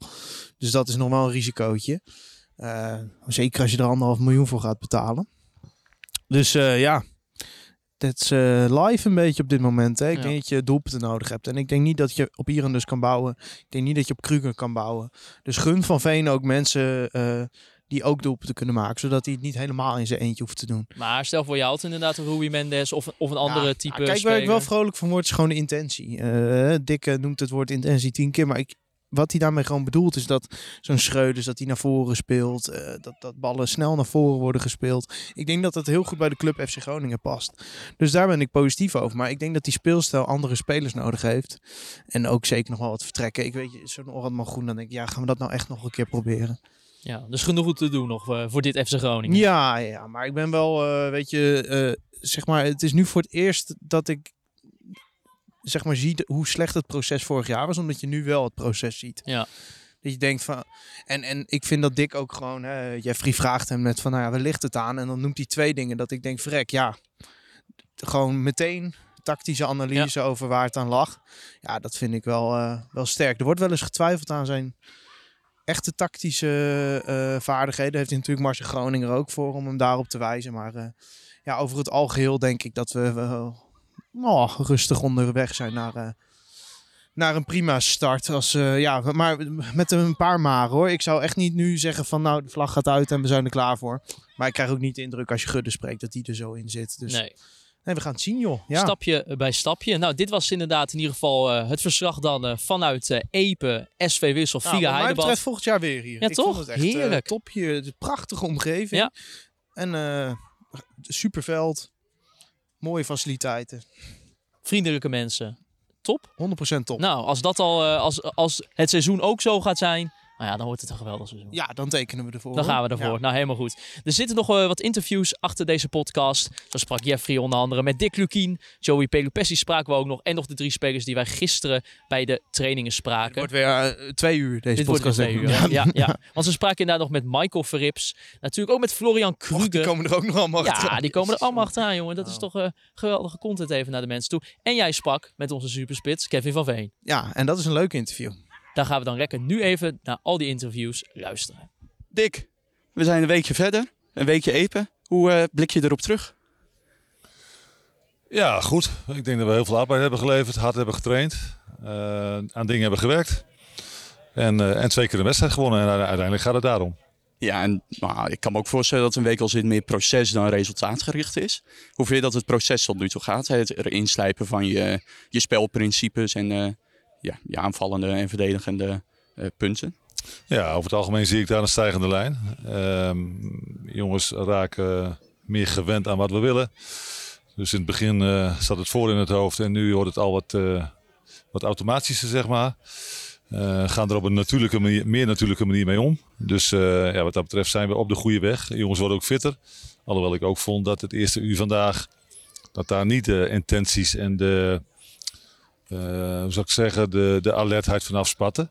Dus eh, nou ja, goed om te zien dat die jonge jongens in de tweede helft dat beduidend beter deden. Ja, want waar zit dat hem in, denk je? Ja, dat zit voor een gedeelte in vermoeidheid. Eh, dat zit voor een gedeelte in jongens die meer minuten hebben gemaakt dan anderen. Maar het zit hem ook vooral in iedere wedstrijd klaar zijn om te spelen. En eh, nou, dat waren er een aantal in het eerste uur duidelijk niet. Ja, en dan speel je een wedstrijd zoals we speelden met hele grote ruimtes, heel veel omschakelmomenten. Ja, dat zit in, in de afspraken nakomen en klaar zijn om te voetballen. Ja, ja want wij spraken net ook met, eh, met Joey Pelopessi. Die zei, ehm, aanvallend ging het nog wel, vooral de eerste 30 minuten. Maar verdedigend waren we wel heel kwetsbaar, met name op de counter. Ehm, jij noemt het nu eigenlijk net zelf ook, hè, dat als je afspraken niet nakomt, dat zulke dingen gebeuren. Waar ligt dat aan? Wat voor afspraken zijn er die niet, eh, niet opgevolgd worden? Nou, als wij opbouwen met twee lage middenvelders, dan wil je daar een 4 tegen 2 creëren. Dat lukte niet omdat zij met hun controleurs doorstapten. Nou, dan probeer je met je tienen naar binnen te spelen. Daar dekten ze ook op door, dus het werd eigenlijk een 1 tegen 1. En ik vond dat we in die fase heel erg slordig ballen verloren. En als je dan met beide backs hoog speelt, ja, dan zie je ook dat in de omschakeling daar heel grote ruimtes ontstaan. Uh, en dan moet je erachteraan. Nou, dat deed Peersman beter dan Van Gelderen. Want uh, het gevaar kwam vooral uh, via Van Landschoot. dus het is ook reageren op wat er gebeurt. Situaties herkennen. En als je dan ziet dat je niet heel erg lekker of zorgvuldig aan de bal bent. Ja, dan zou ik als back misschien wel wat lager aan de binnenkant gaan spelen. Ja, dat is reageren en, en, en vragen, handelen naar wat de situatie geeft. En, en dat was in die fase bij Tijn en Weilen onvoldoende. Ja, ja, helder. Um, en uh, als je nou terugblikt op de afgelopen weken, het is best wel een grote groep die je bij je had. Nou, vandaag nog wat extra jeugdspelers vanwege wat uh, kleine pijntjes, denk ik, hè, bij Marco Rente, bij Daniel Beukert. Um, ga je daarmee door de komende weken? Of zeg je, ja, we gaan nu weer langzaam terugwerken naar een kleinere groep, een, basis, um, waarbij we toch bij een aantal spelers moeten zeggen van, ja, voor nu wordt dit hem niet. Nee, dat klopt. We willen wel een uh, groep die te hanteren is. Dus het kan, je moet ook perspectief hebben. Uh, aan de andere kant zijn er wel een aantal jonge jongens die nadrukkelijk op de deur kloppen. Uh, dus, nou, ik vond Fovin vind ik echt wel in ontwikkeling. enorme explosieve speler, snelheid, diepte, kan een actie maken, kan een goal maken. Van Bergen vind ik goed spelen. Maar eigenlijk die twee eruit halen zou zonde zijn. Omdat je in de tweede helft echt een ploegje hebt gezien wat samen een resultaat wil behalen. Dus ook daar geldt dat er jongens zijn die uh, zich laten zien. En dat, is, dat vind ik heel leuk. Ja. ja, en je noemt we willen een groep die ja, te managen is eigenlijk, hè, qua grootte. Eén um, speler was deze week misschien lastig te managen, hoorden wij net ook van Wouter Gudde. Dat is Thomas Soeslof. Die is uh, donderdag denk ik vertrokken van het trainingskamp. Correct. Um, Wouter zei, uh, Dick kan jullie meer vertellen over het hoe en wat. Ja, nee, ik, ik heb afspraken op het veld. Daar wil ik een ploeg zien die samenspeelt. Maar ik heb ook uh, afspraken en uh, regels buiten het veld. En daar moet je aan houden. En uh, ja, Thomas had daar één dag wat, wat meer moeite mee. En daar hebben wij naar gehandeld en gezegd van dat wij dat niet willen. En vandaar dat we hem terug hebben gestuurd naar Groningen. En nu? Ja, weet je, het zijn allemaal jonge mensen die maken fouten. Ik schrijf hem ook absoluut niet af, omdat ik hem ook heb gezegd van ja, fouten maken hoort bij voetballen. Maar je moet wel weten waar wij voor staan met z'n. Uh, ik spreek hem begin volgende week en van daaruit gaan we verder. Helder. Helder. En um, ja, we zitten nu twee weken zijn we bezig. Hè, ik denk dat er al wel uh, contouren worden wel duidelijk volgens mij. Dat geef je zelf ook wel aan. Je bent aardig tevreden met dat het nu van de voorkant van je hoofd naar de achterkant gaat. Dat het er inslijpt. Waar gaat de komende weken dan de focus naartoe? Nou, die contouren moeten steeds duidelijker worden. De afspraken moeten steeds duidelijker worden. We moeten ook nog steeds fitter worden. En de weerstand gaat ook toenemen. Dus dat is uh, goed om te zien. Dus eigenlijk gewoon doorbouwen. Blijven werken aan wat we willen met z'n allen. Uh, op en buiten het veld. Ja, voor de tijd. Uh, volgens mij zei het bij Radio Milko. Als het een goed trainingskamp is, ben ik op zaterdagavond niet de allermoeilijkste. Nee. Ben niet de allermoeilijkste vanavond? Of, uh... Nee, maar ik vind als je hard werkt met z'n allen, dan mag je ook vanavond even relaxen. Dus we gaan straks een hapje eten met z'n allen. En daarna geef ik ze vrij. Uh, en dan mogen ze ook even een, uh, een drankje doen. En dan uh, hoop ik dat ze heel veel plezier hebben met z'n allen. Maar ook wel weer normaal gedrag vertonen.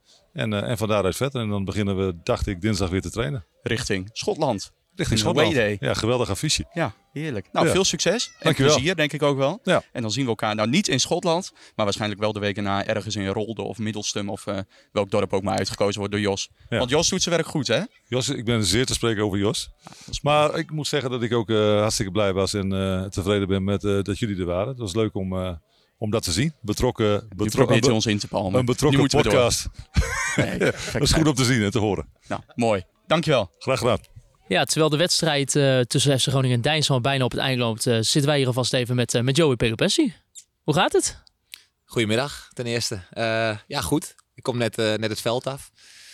was wel een zware wedstrijd. Ik speelde tegen tegenstander die ook aardig wat energie erin legde, vond ik. En met name in de counters. En ja, die hadden we gedeeltelijk onder controle, maar niet helemaal. Maar goed, wel goed om, om een serieuze 60 minuten in de benen te hebben. Ja, en, en op een gegeven moment ging het even helemaal los met het weer. Ja, was even rennen. ik vind het niet lekker dat er na 30 minuten zo'n lange break eh, tussen zit. Want dan ga je weer zitten in die kleedkamer en eh, dan moet je weer een soort van warm worden. Maar goed, eh, uiteindelijk is het goed gekomen. Ja, nu spraken we jou ook eh, bij de eerste training natuurlijk. We zijn nu eventjes weer, eh, weer verder. Ja. Ehm, ja, hoe, hoe verloopt het proces eigenlijk eh, voor jou persoonlijk, maar ook voor het team natuurlijk? Nou, ik denk eh, als team eh, dat, we, dat we goed op weg zijn. Het is nog steeds de beginfase, vind ik. Maar eh, ja, we hebben met de Goat Eagles hebben we de eerste BVO-ploeg achter de rug. Hebben we een, echt een behoorlijke wedstrijd neergezet, als ik dat zo mag zeggen. Goede overwinning. Dat is ook lekker dat je gewoon resultaat, resultaat haalt. En nu ben ik met 2-2 eh, eraf gegaan. En inmiddels staan we 4-2 voor. Dus ja, resultaatgericht is het goed. Vandaag vond ik het redelijk. We waren wat slordiger. Ehm, daardoor spelen we een kaart met, eh, met een counter waardoor ze scoren. Eh, maar goed, ik denk dat we als team wel, eh, wel weten waar we mee bezig zijn. En, en daar groeien we in. En persoonlijk maak ik daar deel van uit, denk ik. Ehm, tegen Eagles heb ik een goede wedstrijd neergezet. Ik heb ook weer een goede trainingsweek achter de rug, als ik dat van mezelf mag zeggen. En vandaag ja, een redelijke wedstrijd, laat ik het zo maar zeggen. Ja, we gaan ook eigenlijk steeds meer, dan zag ik ook wel een beetje tegen Go Ahead Eagles, nu ook wel weer een beetje wat meer richting dat we eh, een systeem wel zichtbaar wordt. Voor ons ook als supports met twee spelers eh, voorop, hè, twee wat aanvallende middenvelders, niet echt buitenspelers erachter. Eh past dat denk je een beetje bij de jongens die jullie tot nu toe in de selectie hebben? Ik denk het wel. Ik denk dat de trainer dat ook bewust doet. Ehm, de trainer heeft ons in het begin van, van deze periode aangegeven dat hij, ehm, ja, hij, hij, wil geen vast systeem. Of tenminste, eh, zo, zo bekijkt hij de selectie niet. Hij kijkt wat, wat, wat we hebben. En, en daar, daarop maakt hij de formatie of de opstelling. En eh, ik heb het gevoel dat op dit moment eh, dit de, de, de juiste formatie is. Maar goed, we hebben ook een paar geblesseerden. Dus als, als iedereen fit is, kan dat zomaar weer veranderen. Maar op dit moment ja, betrainen we dit heel veel. En hoe voelt de connectie met degene die tot nu toe naast je staat? Een jonge jongen, Jorg Schreuders. Hoe, eh, hoe bevalt dat? Want dan heb je vorig jaar natuurlijk eigenlijk nou, geen enkele wedstrijd eh, gehad. Jullie Nee. als duo controlerend. Nee, dat voelt goed. Eh, vorig jaar weliswaar veel samen getraind. Ehm, en nu ook in wedstrijden. En ja, tot nu toe is dat wel een prettige samenwerking, moet ik zeggen. Wij zijn allebei jongens die heel veel energie erin leggen. En dat zeg ik ook tegen Jorg. We moeten ook niet overdrijven. 100% is genoeg. We moeten daar niet overheen gaan. Maar goed, we zitten allebei liever aan die kant dan, dan dat we te weinig geven. Ehm, en eh, ja, het is, het is een mooie samenwerking. Ik moet Jorg wat aansturen. Ik help hem daarbij. eh, dat hij soms iets rustiger aan de bal moet zijn. Maar hij doet ook heel veel goede dingen. En hij speelt veel vooruit. Levert veel energie, verdedigende arbeid. En, en ja, dat doe ik eigenlijk hetzelfde. En ehm, die wisselwerking, ja, dat, dat, dat bevalt goed tot nu, toe- tot, tot nu toe. Dus eh, laten we dat vasthouden. Hey, en je persoonlijke rol tot nu toe. Vandaag was je weer even aanvoerder. Ehm, we spraken gisteren met Michael Verrips. Nu wordt het ingewikkeld, want dat interview zit pas hierna in de podcast. Ehm, Michael die zei, eh, vorig jaar kwam er heel veel op ons tweetjes terecht. Op mij en Joey. Ehm, nu verandert dat al een beetje. Is dat ook wat, iets wat jij al opmerkt in, binnen de selectie, zeg maar? Eh, ja.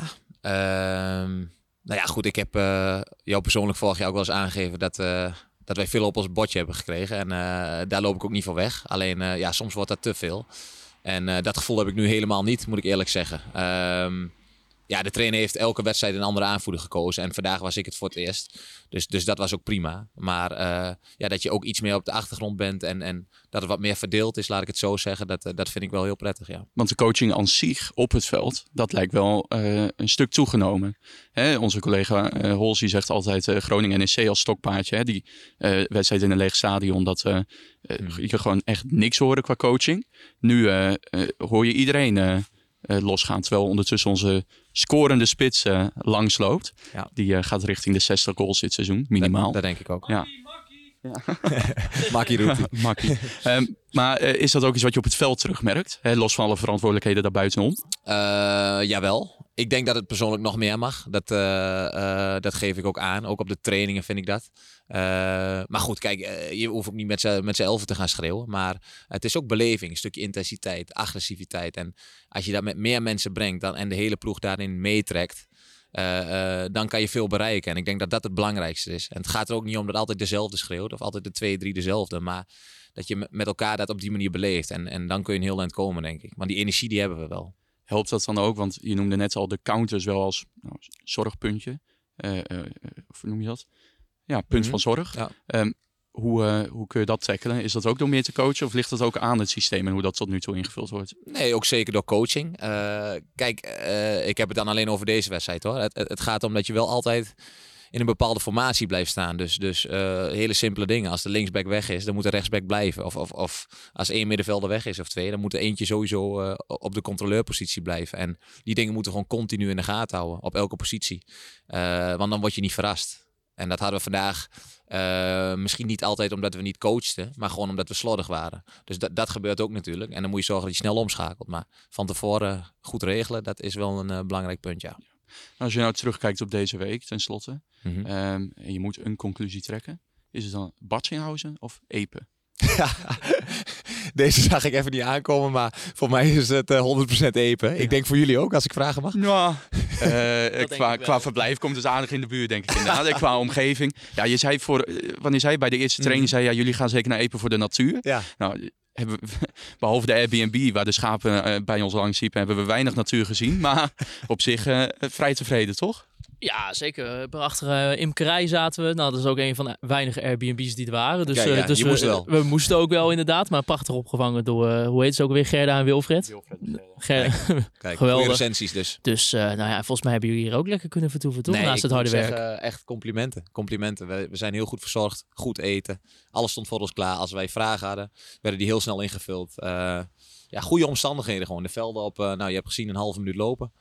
Dus eh, ja, wel echt trainingskampgevoel. En eh, ja, na een week is het ook wel lekker om weer naar huis te gaan, hoor, moet ik zeggen. Ja, nu, nu zeggen we ook altijd, hè, dat, dat lees je ook veel van. Nou, uiteindelijk een, een trainingskamp, zeker aan het begin van het seizoen, is altijd leuk. Er is altijd een goede sfeer. Toch merk je wel als je met verschillende spelers praat binnen jullie selectie, ehm, dat het toch wel anders plezierig was dan, dan vorig jaar. Eh, waar zit dat hem in?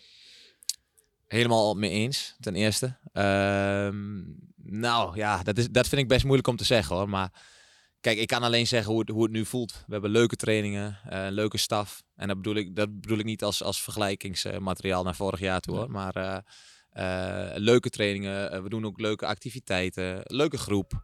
Gewoon weer een nieuw begin. Ik denk dat dat ook heel veel doet. Dat je weer opnieuw nieuw, nieuw begint, op nul begint. Iedereen heeft nieuwe kansen. Elke speler voelt dat ook. En ja, je voelt ook wel dat je weer op scherp moet staan bij deze staf. Het is gezellig en luchtig, maar aan de andere kant ook heel, heel scherp en, en je moet altijd klaarstaan, zeg maar. Dus eh, ik denk dat het een goede combinatie is. En precies wat je zegt, het is natuurlijk het begin van het seizoen. En eh, zo zat ik er vorig jaar denk ik ook. Maar het voelt wel echt anders, ja. Toch één ding wat wel opviel, ehm, dat was eigenlijk gisteren al en vandaag ook, en dat gaf Wout Gudde ook aan, is dat Thomas Soeskov eh, momenteel nu niet bij de groep is, omdat hij is weggestuurd. Ja. wat, wat, wat kan jij daarover zeggen? Ja, niet veel. Omdat, omdat ik vind dat je dat als ploeg intern moet houden. Begrijpelijk, maar, ja. ja, ik, ik kan ook niet zeggen dat het niet waar is natuurlijk. Nee, Eh, nee. Thomas is naar huis gegaan. En eh, ja, weet je, ik, ik ben ook niet degene als teamgenoot die daar nu veel over kan zeggen. Maar eh, ja, ik kan alleen eh, je daar gelijk in geven dat het klopt. Ja, dus eh, nou ja, hopelijk eh, we zien wel hoe dat zich ook eh, verder gaat ontwikkelen. Lekker, moet Dick Lukien maar lekker wat loslaten zometeen. Dat, eh, dat gaat hij vast wel doen, ongetwijfeld. In ieder geval Joey, hartstikke succes ook nog in de komende weken weer richting nou, 11 augustus, hè? Jong Ajax. Zeker. Daar gaan we ervoor. Ja, dat is, eh, dat is het richtpunt. Hè? Dus eh, nou, wat hebben we nog? Drie weken. Dus eh, mooie wedstrijden nog. En eh, Weekendje Schotland, ook niet verkeerd. gaan jullie mee? Nee. Nee, helaas Weer niet. niet. Nee, nee, nee. nee, dat zit er niet Nee, in. goed. Ik, eh, ik kijk ernaar uit. Maar we zijn goed op weg. En eh, richting 11 augustus, jongens. Helemaal goed. Dankjewel. Want we zitten hier weer bij Villa Heidebad en, en deze keer met Michael Verrips. Hoe gaat het? Ja, eh, blij dat ik weer op het veld mag staan. Lange tijd geblesseerd geweest. En eh, er moeten nog wat kleine stapjes gezet worden als het gaat om fitheid. Maar eh, ik ben hartstikke blij om, eh, om weer het gas te kunnen ruiken. Ja. Ja, want eh, bijvoorbeeld bij de eerste training zagen we ook al dat je, dat je inderdaad eh, nou, niet volledig eh, mee kon doen. Waar heb je precies een beetje helemaal last van de laatste tijd? Ja, eh, ik had een kleine terugval. De eerste, eh, of dat- sorry, dat was de tweede training. Eh ben ik zondag wakker met een eh, beetje dikke knie. Dat wat vocht en wat reactie. eh, verder geen pijn, geen last of zo. Dus echt puur het vocht wat even eruit moest. Vandaar dat ik de- vorige week niet kon trainen.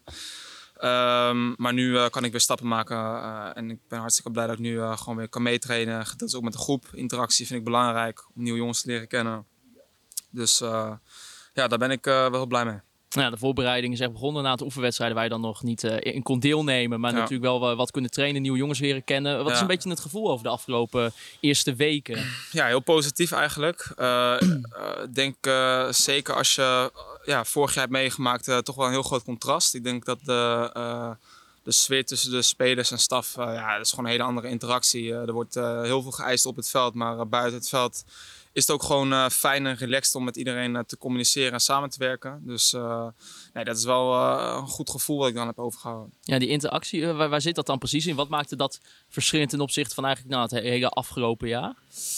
Nou goed, kijk, uiteindelijk eh, denk ik dat eh, eh, je hebt twee hele belangrijke facetten. Dat is presteren en plezier hebben. En ja, het allermooiste is natuurlijk als het samen gaat. Ehm, ja, dat was vorig jaar was het denk ik eigenlijk helemaal niet echt het geval. En nu is dat, is dat beide het geval. Dus ik denk dat er veel meer gericht wordt getraind op wat we precies willen. Dat we wat meer een identiteit gaan creëren rondom het elftal op het veld. Maar ook buiten het veld, dat het ook gewoon eh, gezellig en leuk moet kunnen zijn. En eh, ja, om een voorbeeld te geven, de eerste eh, twee keer dat wij een meeting hadden, toen maakte de trainer maakte wat grapjes. Ja, niemand lachte. Nie- Niemand durfde eigenlijk bijna te lachen, omdat het klimaat was het niet echt vorig jaar. En nu merk je dat iedereen steeds losser komt en dat de gezelligheid ook toeneemt. En ook op het veld gewoon het plezier, het spelplezier. En ik denk dat het wel hele belangrijke aspecten zijn om, om uiteindelijk resultaat te behalen. Ja, was dat in, in, in die zin is dat denk je zo cruciaal voor een team, voor hè, ook natuurlijk onderling, om nou, de basis te kunnen vormen om te presteren? Eh, ja, er zijn natuurlijk wel heel veel ingrediënten nodig eh, als je, als je ja, een succesvol seizoen wil hebben. En ik denk dat het vorig jaar ook heel erg ontbrak aan, eh, ook aan leeftijd. Om een stukje ehm, ja, rust in het team te creëren. Ehm, wat meer leiderschap in het team. En ik denk met de jongens die ze nu hebben aangetrokken, dat, het wel, eh, ja, dat je wel merkt dat er wat meer persoonlijkheden zijn. In de goede zin. En dat die ook eh, eh, ja, overkomen de groep. Ja, hoe, hoe merk je dat? Dat je dan toch wat jongens hebt die wat ouder zijn, die toch al wat meer het profvoetbal hebben meegemaakt. Merk je dat dan gelijk binnen de trainingen, binnen de groep? Wat, wat kunnen zij brengen? Ja, ik denk dat ze ook vooral zeg maar eh, net even eh, die, die jongere jongens ook even eh, het gevoel kunnen geven van, hey, weet je, ik denk als je dit en dit iets anders kan doen, dan gaat het wel goed, weet je. En het zijn van die kleine dingen dat je meer met elkaar bezig bent. en dat hun natuurlijk wat langer meelopen in de voetballerij. Dus ze snappen ook wel meer ja, hoe, hoe dingen kunnen zijn. En ik denk in dat opzicht, eh, in dat opzicht denk ik eh, dat dat nu wel een stuk beter gaat. Ja, met de nieuwe jongens. Ja, nou, uh, vorig jaar kwam jij eh, natuurlijk eh, over van Fortuna Sittard voor vuurperiode, eerste jaar gehad. Nou ja, iedereen weet natuurlijk hoe het is gelopen met de club. Eh, Een verschrikkelijk afgrijzelijk jaar, zowel binnen als buiten de Rijnen. Ja, Eh, hoe was het eigenlijk voor jezelf? Ja, het was een heel zwaar jaar. Het was een heel zwaar jaar. Ik denk, eh, eh, ik wil het er ook niet te lang over hebben, omdat het ook natuurlijk eh verleden tijd is, hebben we achter ons gelaten. Maar ik denk in alle facetten dat, dat het voor mij eh, heel lastig was om, eh, ja, je bent ook nieuw. Eh, je voelt niet per se in de beginfase de verantwoordelijkheid om heel veel hooi op je vork te nemen. En gedurende het seizoen vorderde was het eigenlijk steeds meer dat, dat ik de rol kreeg om heel veel dingen over te brengen op de groep. Terwijl ik zelf ook maar 26 ben. En ik ook keihard aan het werk ben om zelf te ontwikkelen. En ik ben niet per se iemand, eh, ik ben niet per se een leider in woord. Eh, meer gewoon, eh, ik wil gewoon op het veld laten zien dat ik er altijd ben en dat ik altijd aanwezig ben. En als je te veel met andere dingen bezig bent, daaromheen, ja, dan is het lastig om, om je op die dingen te richten. Dus ik denk, voor mezelf heb ik heel veel geleerd. En dat is één daarvan. En ja, natuurlijk eh, kom je ook thuis. Toen ik geblesseerd was, dan heb je gewoon genoeg tijd om dingen te relativeren. Dus eh, ik denk achteraf eh, heb ik dat wel nodig gehad. En heb ik nu vooral heel veel zin in het nieuwe seizoen. Ja, maar het was dus eigenlijk wel lastig hè, als je inderdaad die verantwoordelijkheden erbij moet nemen om je dan puur te concentreren op je eigen spel en je eigen inderdaad ontwikkeling. Ja, kijk, uiteindelijk hoe ik het zie is gewoon... je hebt 90 minuten op vrijdag, zaterdag, zondag waarop je speelt. Daar word je op beoordeeld. En niet op al het werk wat je eromheen doet, of hoe je traint, of eh, hoeveel gesprekken je met mensen voert de gedurende de week. Maar op een gegeven moment is die eh, emotionele emmer zit, zeg maar vol. Ja, en dan, dan ben je helemaal niet vrij in je hoofd om wedstrijden te gaan, gaan spelen. En ik denk in dat opzicht, ik eh, word betaald als contractspeler, als keeper. En eh, daaromheen heb je natuurlijk wel wat dingetjes die belangrijk zijn voor de club te doen. Maar ik wil het vooral eh, daarbij houden eigenlijk. Ja. Ja.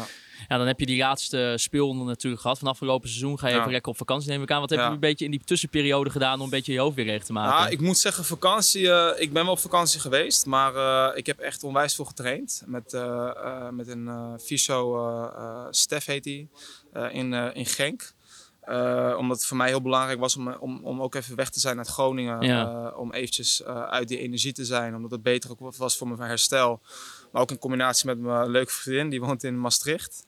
Dus eh, dat is nogal het uiterste van, eh, van Groningen. Niet, niet ideaal, nee. ja, nee, nee, dus nee. het was, eh, was heel fijn om ook wat meer tijd met haar te kunnen spenderen. En eh, dat heeft ons allebei heel erg goed gedaan.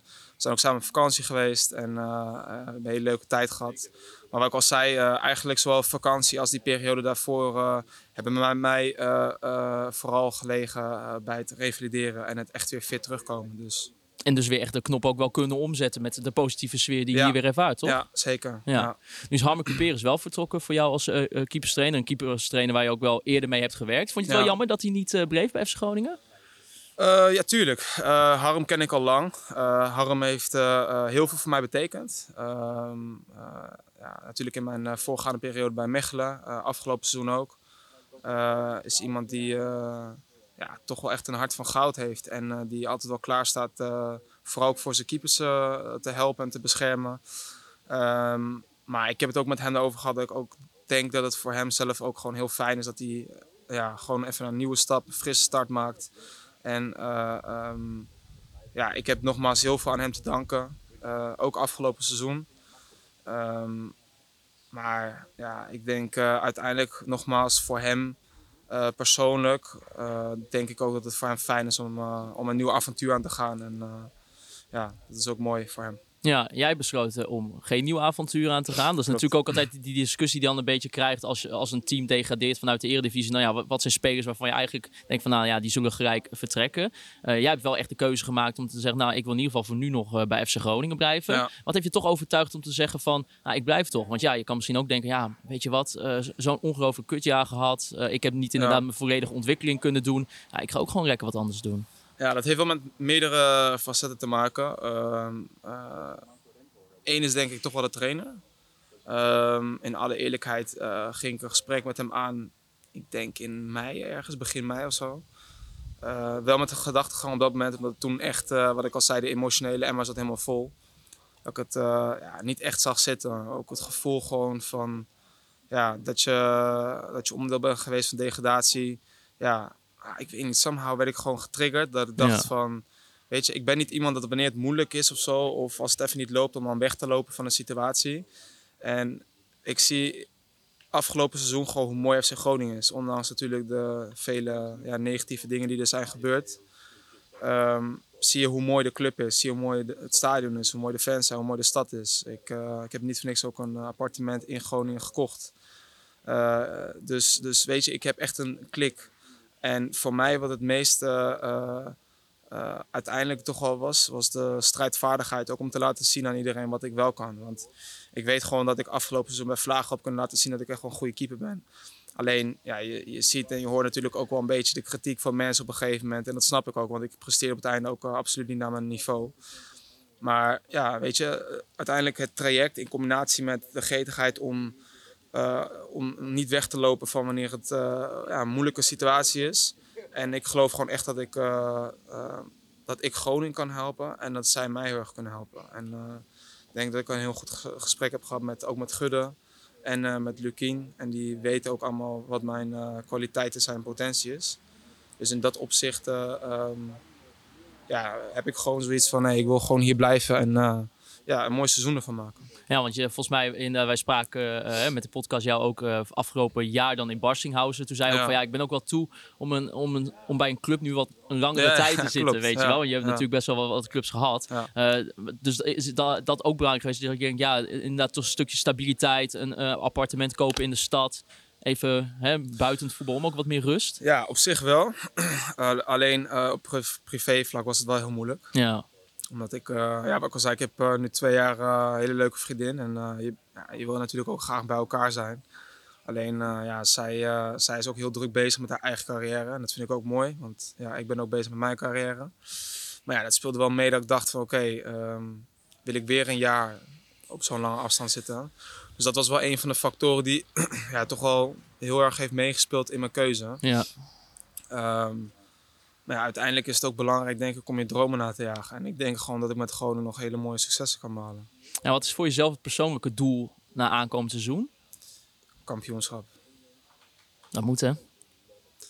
Niks minder. Ik ga niet voor minder. Mijn eh, mindset is kampioenschap. Ja. En is het ook fijn dat je dan misschien die verantwoordelijkheden die je vorig seizoen toch op je moest nemen, dat je dat ook wat meer van je af kan eh, laten glijden? Nou, ik denk het voornaamste ding is dat je het kan verdelen. En vorig jaar was het heel erg Joey en ik. Joey en ik, Joey en ik. Binnenkleedkamer, buitenkleedkamer. En ja, dat was gewoon te veel. Dat was gewoon veel te veel. En eh, weet je, ik, ik vind wel dat ik eh, ook losstaand van wel of geen aanvoerderschap. Ik neem wel mijn verantwoordelijkheid. En ehm, als, als ik vind dat ik iets moet zeggen in een groep. Of als ik vind dat dingen anders moeten. Weet je, ik heb het gevoel dat ik eh, in een groep heel erg word eh, gerespecteerd door iedereen. En andersom ook. of nou jonge jongens zijn of de oudere jongens. Dus dus dat, dat is voor mij veel belangrijker dan aanvoerder zijn of, of dus alleen met Joe het gevoel te hebben van...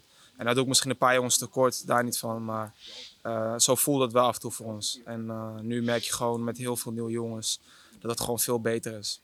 Samen naar de grote markt dus. Samen naar de grote markt dus. Top, gaan we daarvoor. En dan uh, gaan we ook uh, nou, spreken, deze keer uh, even in het Engels. En dat heeft natuurlijk een reden, want we're sitting here with Florian Kruger. Hello Florian. Hi. How are you doing? fine. Good, good weather, good facility, so everything is fine. Yeah, because we're now a couple of days here in and around Ape. How's the training camp been for you so far? I think we have perfect situations here. Food is good, good training pitch, yeah, good surroundings. So everything is fine to having a good training camp. Yeah, there are a couple of new players, a new coach for you too. Like, how has these like couple first weeks have been for you? Yeah, I think um, it's getting uh, more used to each other. So uh, yeah, first days is always uh, new for everybody, even if you have like completely new coaching stuff. So yeah, but if you see the the last match go ahead, I think you can see the idea from the coaches and that we are getting more used to it and trying our best to bring it on the bring it on the field. And can you explain like already the sort of difference that is between like the way that Dick Lukien tries to play in considering uh, eh, uh, compared to what Frank Wormuth and Dennis van der Rey wanted you to play? Yeah, I think uh, he's clear in his ideas. He wants to uh, play football like through the center, that we are like uh, brave on the ball, playing with confidence, and uh, yeah, of course, for this type of football, you ha have to have confidence. But I think uh, with the with the results and uh, getting fitter, um, we get this. And yeah, but in the end, uh, we have to bring it on the field in August or from August on, and that's the only thing we have to do. Yeah, you came here last year in summer. Frank Wormoed was still the coach then. of course, also he's German. Like, was that, was that a big influence for you to come to the Netherlands to Groningen? Yeah, of course, I can tell that that he and. Mark-Jan Flederos uh, were the guys uh, who brought me here. Um, even because I talked to these guys uh, when they were in Almelo, they want to get me there. So yeah, they were the reasons to to come here because the transfer just happened in a few days. But it's fine. Now both are gone. it was also a tough situation for me, like to come also because of a coach. And after like two two and a half months, the coach got sacked. Uh, tough situation. Uh, then the sporting uh, or technical director, who also brought you here, got sacked too. So yeah, the last half year wasn't wasn't that easy for me. But now I'm I'm clear. Um, it started with nil, and yeah, I'm just going on to give my best and uh, getting uh, more used to the group. Yeah, because if you look at the minutes that you played last season, like Yeah. on, under Frank Wormoed, you played quite a lot. It Yeah. was like most of your minutes of the season. Like, how hard was it then that that you that that coach leaves? Uh, of course, of the bad results, but for you personally, I can imagine it's quite hard because yeah, he was the coach that would let you play the most, right? Yeah, I think it was not my uh, first coach uh, getting sacked uh, through the season. So uh, last year I had uh, six coaches. You bring a piece of bad luck. yeah, 22 was uh, quite a weird season for me with six coaches. So yeah, I think uh, the beginning was like, yeah, now I'm just coming here, or not just, but uh, a big reason was the coach uh, for coming here, and that he got sacked like after two two and a half months was uh, yeah in the beginning was hard, but then with the break uh, of two and a half weeks, I. I come, I came back, and then it was like, okay, now I have to start uh, with the new coaches, uh, and yeah, I just have to give my best to to get in the in the squad. Yeah, and I think I did a quite good job. Uh, the first games uh, also uh, with the new coach of Dennis, but yeah, then from uh, one to another moment, uh, it just uh, stopped.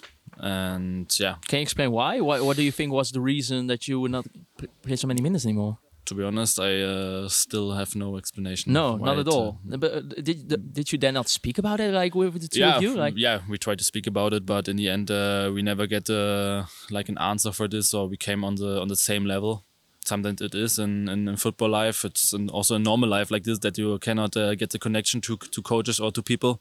So for me, it's fine. Uh, it can happen, but yeah, it was tough for me because yeah, if you look back, that we just get uh, like six points out of twenty games and uh, you never get the chance. It was uh, yeah quite hard to to see it from the bench, but it was not only uh, in my case. I think a lot of more guys had the same situation like me. Yeah, yeah, because it was of course a horrible year for FC Groningen. Yeah. Everything around it, like, um, it's tough. Then also the yeah, you mentioned it Yeah. already quite a lot. The, the the perfect word for how your season was. Yeah. Yeah, for me it was the second uh, relegation in a, in a row. So I just uh, went down from first to second league in Germany the year before. But to be honest, uh, in this case, uh, it was more like it could happen with a, like a smaller club in Bundesliga like Bielefeld. But when I came here and what I just uh, knew about Groningen, that it's uh, like a big club in, in in the Netherlands, and that you are going down with this club uh, to second lead. Uh, this is was yeah. I don't know what uh, the right word for this. Was like a yeah big disaster. Of course, yeah. And yeah, you could never uh, see this coming. No, and, apart from the football, it was also of course your first year away from Yeah. Germany as a professional footballer. How was that to adjust to the Netherlands and to yeah the Groningen new environment? Yeah, to be honest, it was uh, for me like not the first time to go into the Netherlands, but uh, I'm like for more from the eastern part of uh, Germany. So if you go somewhere, then you go uh, to Baltic Sea or like to the north. Yeah. So I think more guys from who are living like next to next to the border, they are going for vacation to the Netherlands. Yeah, but I was for the first moment, I uh, was like, wow, it's just beautiful here. Everybody's kind, is happy, and yeah, this is still the same. Uh, for living or for like the the life in the Netherlands is uh, yeah just nice. Yeah, and I saw in the video of FC Groningen there was like uh, the first month you wa- say that you also did Dutch lessons. Yeah. how are they going? You still doing them or? Yeah, I'm still doing it, but uh, after four weeks uh, being in Germany, uh, it's not all gone, but it's uh, not as good. But I uh, want to go on with this, that it's uh, going better and better. Yeah, of course. Uh, of course, also a lot of fans have not really seen. I think the real Florian Yeah. Krüger. Well, like, can you a bit describe what type of player you, you are? What, what we hopefully can expect for next season then? yeah, I'm just like a guy who always want to win. Uh, I think uh, I know what is uh, necessary on the on the pitch uh, to win football games, and yeah, like in my position, uh, I just like to like to score goals and to uh, give an assist to my to my teammates. Yeah, because you also explained in your first interview that you gave when you came to FC Groningen that you're like can play in multiple positions, Yeah. like striker, right wing, whatsoever. Um, what have you discussed with Dick Lukien? How what kind of role does he see for you next season? yeah, I think uh, if you now look on the pitch, uh, my favorite position is like to play next to a striker. And uh, with Kevin, uh, I think uh, I could find uh, the right and uh, best position for me. So yeah, you, if you if you, would prefer, then you would like to play with Kevin up front for Yeah, the next season. I think that's uh, would be the, the best. Yeah, and it's also that idea that Dick has, like for you two guys, on paper. Then yeah, I think he has uh, more ideas than this. Uh, of course, uh, we are just like in a second week of of preseason, so I have to show myself that I'm uh, the guy who's uh, in this in the starting eleven uh, from from day one. Yeah, but I think he has his ideas, and I think he he knows what my best position is, and yeah, we talked about this, and in the end, it's up to me if I uh, can get him uh, the feeling that I'm uh, the guy who can play next to Kevin or uh, somebody else. yeah, you of course have still a contract until the summer of 2026 with either uh, was still also an option for another year. Yeah. Um, of course, like when clubs relegate, you always have the discussion that players might want to leave, maybe also foreign players that want to leave. Um, has this is this still for you an option to leave, or are you very clear? Like for me, is with Kevin up front next season and try to win this championship? Yeah, to be honest, after last season, uh, when I just got here uh, end of August and like uh, the transfer made uh, in between a few days, uh, I would never say that uh, I'm clear with one club uh, because I didn't uh, see it coming uh, to go to Groningen last season and like from one to another week I was here.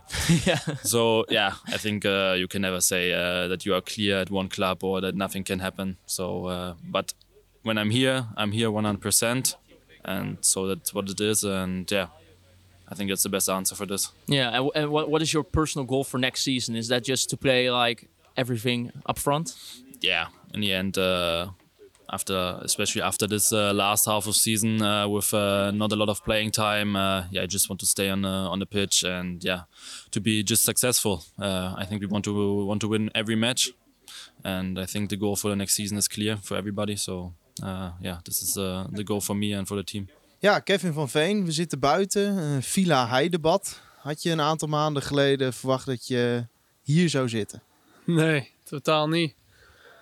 Nee, is ook nieuw voor mij weer. Nederlands natuurlijk. Nederlands eten. Nederlandse taal. Lang weg geweest natuurlijk eh, van Nederland. Maar nee, niet verwacht dat ik in Nederland zou zijn. Nee, want eh, je hebt eh, jarenlang ja, eigenlijk een beetje op het Britse eiland vertoefd. Natuurlijk wel korte periodes ook in Nederland gespeeld. ja, en nu weer terug. Hoe bevallen de faciliteiten hier? Ja, goed. Eh, ik denk dat het eh, eten erg goed is. De kamers zijn oké. en eh, gewoon goed gezelschap met, de met de mensen van de club. Dus de teamgenoten en de staf. En eh, ja, iedereen vriendelijk. Met Dus, wie lig je eh, op de kamer? Met Marvin Peersman. Marvin Ah, zwaar- Peersman. Ja.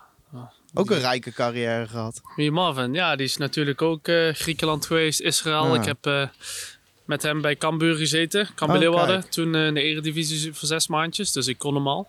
Ehm, maar goed, eh, ja, dat is gewoon prima. Dus eh is, is goed zover. Ja, en eh, je bent een beetje op en neer aan het trainen met de groep en dan nog wat apart. Kun je daar wat meer over vertellen? Ja, ik heb ehm, twee weken erg hoge koorts gehad. Ehm, toch volgens mij over de 40 graden koorts gehad eh, voor twee weken of zo. Toen was ik ook nog in Schotland. Ehm, ja, dus ik heb geen vakantie gehad, maar ik lag ziek op bed. Dus heb ik een eh, behoorlijke achterstand te pakken gehad qua, qua spiermassa. En ja, gewoon eh, dat je spieren zo verzwakken. Want het was natuurlijk geen twee dagen hoofdpijn. Het was wel echt eh goede griep. Eh, ook bij de dokters geweest en zo. Eh, in Groningen, maar ook in Schotland. En ik ben nou eigenlijk een beetje op de terugweg. En ja, ik moest die wedstrijd spelen tegen Oostwelde. Of ja, hoe die ook Onstwedde. heet. Onstwedde. En toen had ik mo- mocht ik een bal intikken aan de zijkant. En net voordat ik hem intikte, schoot het zeg maar aan mijn linkerkant ook een beetje in de heup. Ja. Dat komt omdat ik mijn lichaam zo ja, toch wel eens aangepakt door een virus, zeg maar. Ja. En nu ben ik heel erg begeleid aan het trainen met de, met de fysio en de fitnesscoaches en zo. En dat gaat super goed weer. Dus eh, het is kleine stapjes in plaats van... eh, want vorige week eh train ik alles al volle bank mee omdat ik het zelf wilde. Ja. Ehm, nu is het meer begeleid van oké, nu is genoeg. En en volgende, morgen is er weer een dag. En ja, zo, dus morgen waarschijnlijk weer minuten maken gelukkig. Dus ja, kijk er naar uit. Ja, want hoe ziet dat traject er dan uit? Is het dan de bedoeling dat je voor de eerste competitiewedstrijd wel helemaal fit weer bent? Oh ja, 100%. Ja. Ja. Maar het is meer van dat ik zelf heel erg enthousiast ben en elke dag wil trainen. Ja. Dat hun de, de rem erop moeten houden. Want als het aan mij ligt, train ik gewoon eh, en speel ik. Maar aan de andere kant, je moet ook een beetje ja, eh, slimmer over zijn. Dat je natuurlijk wel echt plat hebt gelegen. Een achterstand hebt met de groep, ook eh, fitness en inhoud. En jouw spieren die hebben wel een eh, aanslag gekregen. Dus eh, ook al wil ik wel heel graag, is niet altijd de juiste beslissing. Dus ja, tot nu zover maak ik de juiste stappen. Dus, Is wel lastig, kan ik me voorstellen. Een nieuwe groep. ja, natuurlijk. Als je ook gewoon kijkt, vorig jaar was ik topfit. Ik zat goed in mijn vel natuurlijk. Seizoen van mijn leven gedraaid en dan heb je vakantie. Ja, dan lig je ziek. Dus eh, dat is minder natuurlijk. Eh, niet echt kunnen genieten van, van de tijd vrij. Eh, ik kon ook bijna niet kunnen eten en dat soort dingen. En dan kom je bij een nieuwe club en dan wil je wel graag laten zien wie je bent en zo. En dat is op, op het moment niet echt gelukt omdat ik niet heb kunnen spelen en trainen. Ja, op het niveau waar ik vorig jaar zat natuurlijk, door de, door de griep. Dus, eh, maar eh, dat, dat duurt niet lang hoor, voordat ik terug ben. Dat, eh, daar werk ik zelf heel hard aan met de mensen om me heen, dus dat komt wel goed. Ja, een beetje rare zomer misschien op, eh, op die manier. Eh, natuurlijk, eh, ik denk dat je op een gegeven moment in de loop van het seizoen wel verwachtte dat er ja, veel interesse rondom jou zou komen. Het begon op een gegeven moment ook de Nederlandse pers behoorlijk te beheersen. Dat er in Schotland een Nederlandse spits was die zoveel goals maakte. Ja, het werd toch een beetje als een stunt gezien dat dan een club op het tweede niveau in Nederland dat binnenhaalt, zeg maar. Hoe kijk je zelf naar die transferperiode? Ehm, ja, er waren natuurlijk heel veel clubs eh, geïnteresseerd. Eh, Engeland, eh, ja, tropische landen en Groningen natuurlijk. Maar je moet, ja, omdat ik de records verbrak in Schotland, ja, dan, dat neemt altijd aandacht met ze mee. Dat maakt niet uit wie je bent. Als spits zijnde gaat het dan hard. Zo werkt het in het voetbal. En ja, toen... de, het, dingetje voor mij is dat Groningen zoveel vertrouwen in mij uitsprak. Ook, eh, ja, ik had een jaar over. Eh, ik had natuurlijk 29 goals gescoord eh, in Schotland. Ehm, dus er zat ook wel een prijstag aan mij vast. En er waren een aantal clubs die het graag neer wilden leggen. Maar Groningen die was ja, gewoon heel erg... gaf me het gevoel van... dit, deze man willen we hebben. En eh, onderhandelingen zijn er echt wel geweest, denk ik, met de club om de, om de prijstag omlaag, omlaag te halen. Maar ze, ze zijn volle bak voor mij gegaan. En dan vind ik, dat geeft mij dan ook wel een goed gevoel van: oké, deze club die wil me wel heel graag hebben. En eh, ja, ik wil ook weten dat Groningen een grote club is natuurlijk. Maar Ja. eh, er waren wel boven 10, eh 11, 12 eh, teams die mij graag wilden inlijven. Ook al ben ik al 32. Ja, want dat, dat bedoelde ik een beetje te zeggen van. Want je ziet vaak in Schotland als een speler het goed doet, dan zijn er toch een paar clubs. Hè? Misschien niet in de Premier League, maar wel, eh, tenminste voor je, spelers van jouw leeftijd, maar wel in de Championship League One. Die dan gaan denken, nou. eh, en, en, maar is dat dan van, dat heb ik al meegemaakt of was het echt... nee, ik, eh, ik had heel erg veel contact met eh, Sheffield Wednesday. Ja. Eh, we waren heel dichtbij. Heel dichtbij, maar toch die transferfee, dat is voor veel clubs, voor een 32-jarige spits Ja. in alle eerlijkheid, dat was een dingetje, want ze vroegen niet, ja, niet geen kleingeld. Eh modder wel natuurlijk. En ja, ik zat er in een positie zo in van, ja, ik heb zo'n seizoen gehad, ik wil me graag zelf belonen. Pff, Kijk, en in alle eerlijkheid is ook gewoon eh, dat de salaris omhoog gaat. Want ik zou niet op hetzelfde salaris willen zitten volgend jaar bij Modderwell naar wat ik gedaan heb. Begrijpelijk. Dus ik heb dus toen ook aangegeven van ik wil graag een stap maken. En eh, ja, ik vind deze club fantastisch. En als ik hier eh, ook eh, met pensioen of mag retiren, zeg maar zo in uh, Modderwell, dan vind ik ook prima. Maar dan moet je me wel een topdeal geven. Nou, dat hebben we toen gedaan, maar dat vond ik niet eh, goed genoeg. En toen ging ik met mijn agenten natuurlijk eh, met heel veel andere clubs praten. Maar toen ik met Wouter eh, sprak, eh, ja, zat er gewoon een heel erg goed gevoel bij. Maar ik als Nederlander zijn ook weten dat Groningen een hele grote, fantastische club is. Dus graag ook aandeel wil, uiteindelijk aandeel wil gaan. ja, heel belangrijk zijn voor de club met heel veel goals maken. En natuurlijk terugschieten waar ze horen. Dus. Ja, want je, je kwam binnen en je zei eigenlijk, nou, eh, 30 goals is het doel. Eh, dat is eh, in Groningen niet eh, vaak dat er een speler binnenkomt op die manier. Eh, is dat echt nog vanwege dat vertrouwen van het afgelopen seizoen? Nou, ik ben gewoon eerlijk. Ik denk dat de Schotse competitie veel zwaarder is dan de KKD. Ja. Daar ben ik gewoon super eerlijk in. Als ik er 29 daarin kan leggen, maar ook tegen Celtic en Rangers kan scoren, dan moet ik ook gewoon tegen Telstar en de Bos een paar erin leggen. Ja, de, Ja, dat zie, ja. dat zie, zo zie ik dat Ik gewoon, met alle je respect natuurlijk. bedoelt, Eh, wij ja. moeten wel als Groningen zijn en met beide benen op de grond blijven en niet denken van we gaan even deze competitie winnen. Dat gaat niet gebeuren. Eh, ik denk dat we met z'n allen wel keihard moeten werken, maar dan ook wel in onszelf moeten vertrouwen van ja, we zijn een grote club, een beetje zoals Leicester nu in de Championship. Ik vind dat je daar ons een beetje in kan vergelijken. Een hele grote club in de KKD met een hele goede achterban. Maar wel eh, met beide benen op de grond dat elke wedstrijd een andere uitdaging gaat worden. Eh, maar wel in onszelf geloven dat wij wel meer kwalitatief veel beter zijn dan de meesten. Maar dan moet je het nog wel afdwingen. We Ja. hebben de wedstrijd niet eh, gewonnen op, omdat we elf goede spelers op veld hebben staan.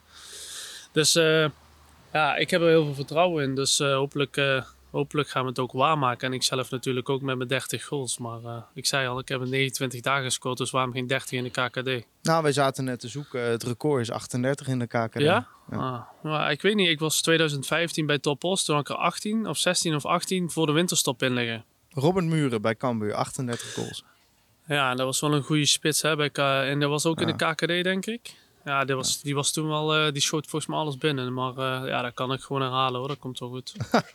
Dat is wel goed. eh. Wat voor spits ben jij?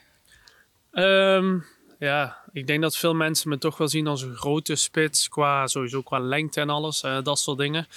Maar ik denk dat mensen al heel snel vergeten dat ik ja, erg technisch begaafd ben. En ja, rechts-linksbenig ben en best wel sluw ben. En eh, ja, eh, verdedigers graag slaapwandel, maar dan in één keer weg ben en dat soort dingen. Ehm, in Engeland en Schotland noemden ze me de budget bergkamp. Ja. En eh, vorig jaar ook op televisie de Maverick genoemd. Omdat wij eh, heel vaak met z'n tien aan het verdedigen waren. En dat ik op de halve wegenlijn stond tegen twee of drie verdedigers. En uiteindelijk nog toch ook tegen Celtic bijvoorbeeld ja, scoorde. Dus eh, een spits die erg onafhankelijk is, vind ik, eh, vind ik mezelf. Ik denk dat ik zelf eh, in alles in staat ben ook gewoon met mijn eigen kansen creëren. Stel dat mijn teamgenoten niet lekker in de wedstrijd zitten, ben ik wel een spits die niet veel nodig heeft. Dus ik denk dat dat wel belangrijk is dat ik niet afhankelijk ben van mijn teamgenoten. Maar ook wel een spits die gewoon hard wil werken en vol, in, vol, vol gaat. En fans en de, de tribunes wil laten opstaan. En ook echt het gevoel hebben dat ze naar huis gaan van dat was een mooie pot om te zien. Ik denk dat ze vorig jaar hier erg hebben gemist en veel negativiteit was. Maar ik wil mensen wel eh, van de stoel afhalen en zo, weet je wel. Dat ze denken van dat was een mooie middag, drie punten. Ehm, en geen saai 1-0 of zo. Wel een beetje beleving en passie eh, eh, breng ik graag. Dus eh, ja, dat is aan mij om te laten zien. Ja, want nou ja, zoals het nu een beetje zich uittekent, wordt Kruger een beetje jouw, eh, jouw, jouw duo, jouw partner in de spits. Eh, ja, hoe bevalt dat tot nu toe? Ja, natuurlijk. Ik heb met Florian, eh, ja, ik heb, ik heb weinig getraind. Maar eh, natuurlijk is gewoon nog een hele goede speler. Ehm, ja, kijk, ik heb heel eerlijk gezegd vorig jaar niet heel veel van Groningen gezien. Wel heel af en toe schakelprogramma's gekeken en af en toe een keer, wanneer ik tijd had, uh, Nederlands voetbal gekeken. Dus ik kende de jongens totaal niet, zeg maar. Wel een aantal namen, maar nog nooit mee gespeeld en getraind. Maar Florian, ja, zi- ziet er goed uit, scherp. Wil ook hard werken, eh, kan goed lopen. Ehm, maar het gaat er ook om, eh, denk ik ook heel belangrijk is eh, voor de spitsen bijvoorbeeld de aanvoer. Dat, is, dat komt vanuit achteruit, dat komt ook uit onze beweging natuurlijk. Maar ja, ik heb vol vertrouwen in Florian. En ik hoop dat hun dat ook in mij hebben. En als we dan zo er met z'n allen in vertrouwen, dan alle neuzen er één kant op staan, dan hoop ik dat we veel potjes gaan winnen, meer dan dat we verliezen natuurlijk. Ja, want eh, nieuwe trainer ook, ook voor jou. eh, ja, hoe bevalt dat? Ja, trainer is eh, uitstekend zover. Het is, hij houdt van gewoon normaal gedrag. Ik denk dat het heel belangrijk is voor de trainer dat we lekker normaal doen. Zeker na vorig jaar ook. Weet je wel, dan staat we als club zijn, sta je waarschijnlijk erg in de spotlight. Als een Groningen naar de KKD gedegradeerd, dan hebben wij echt wel normaal gedrag nodig. Ook van beide beentjes de eh, op de grond, hard werken. Ehm, trainer is erg eh, flexibel in een aantal dingen. Of we willen langer doortrainen. Of eh, we willen iets anders doen qua, na de training. Eh, zijn trainingen zijn erg eh, ja, heel goede structuur. Ik denk dat iedereen het ook echt eh, aan het genieten is. En hard werkt, maar ook plezier heeft in het voetbal. En eh, ja, hij is gewoon recht, recht vooruit, eerlijk. En eh, ik denk dat dat wel belangrijk is voor een groep. Weet je wel, wat je hebt aan je trainer. En denk dat er zover, als je ook aan alle jongens vraagt, dat ze allemaal wel eh, blij zijn dat, eh, ja, hoe de trainer is als persoon natuurlijk. Maar ook andere, andere, mensen van de staf. Ik denk dat het allemaal wel aardig aan het klikken is. Nou, eh, het klinkt allemaal goed. Je bent iemand die veel zelfvertrouwen uitstraalt.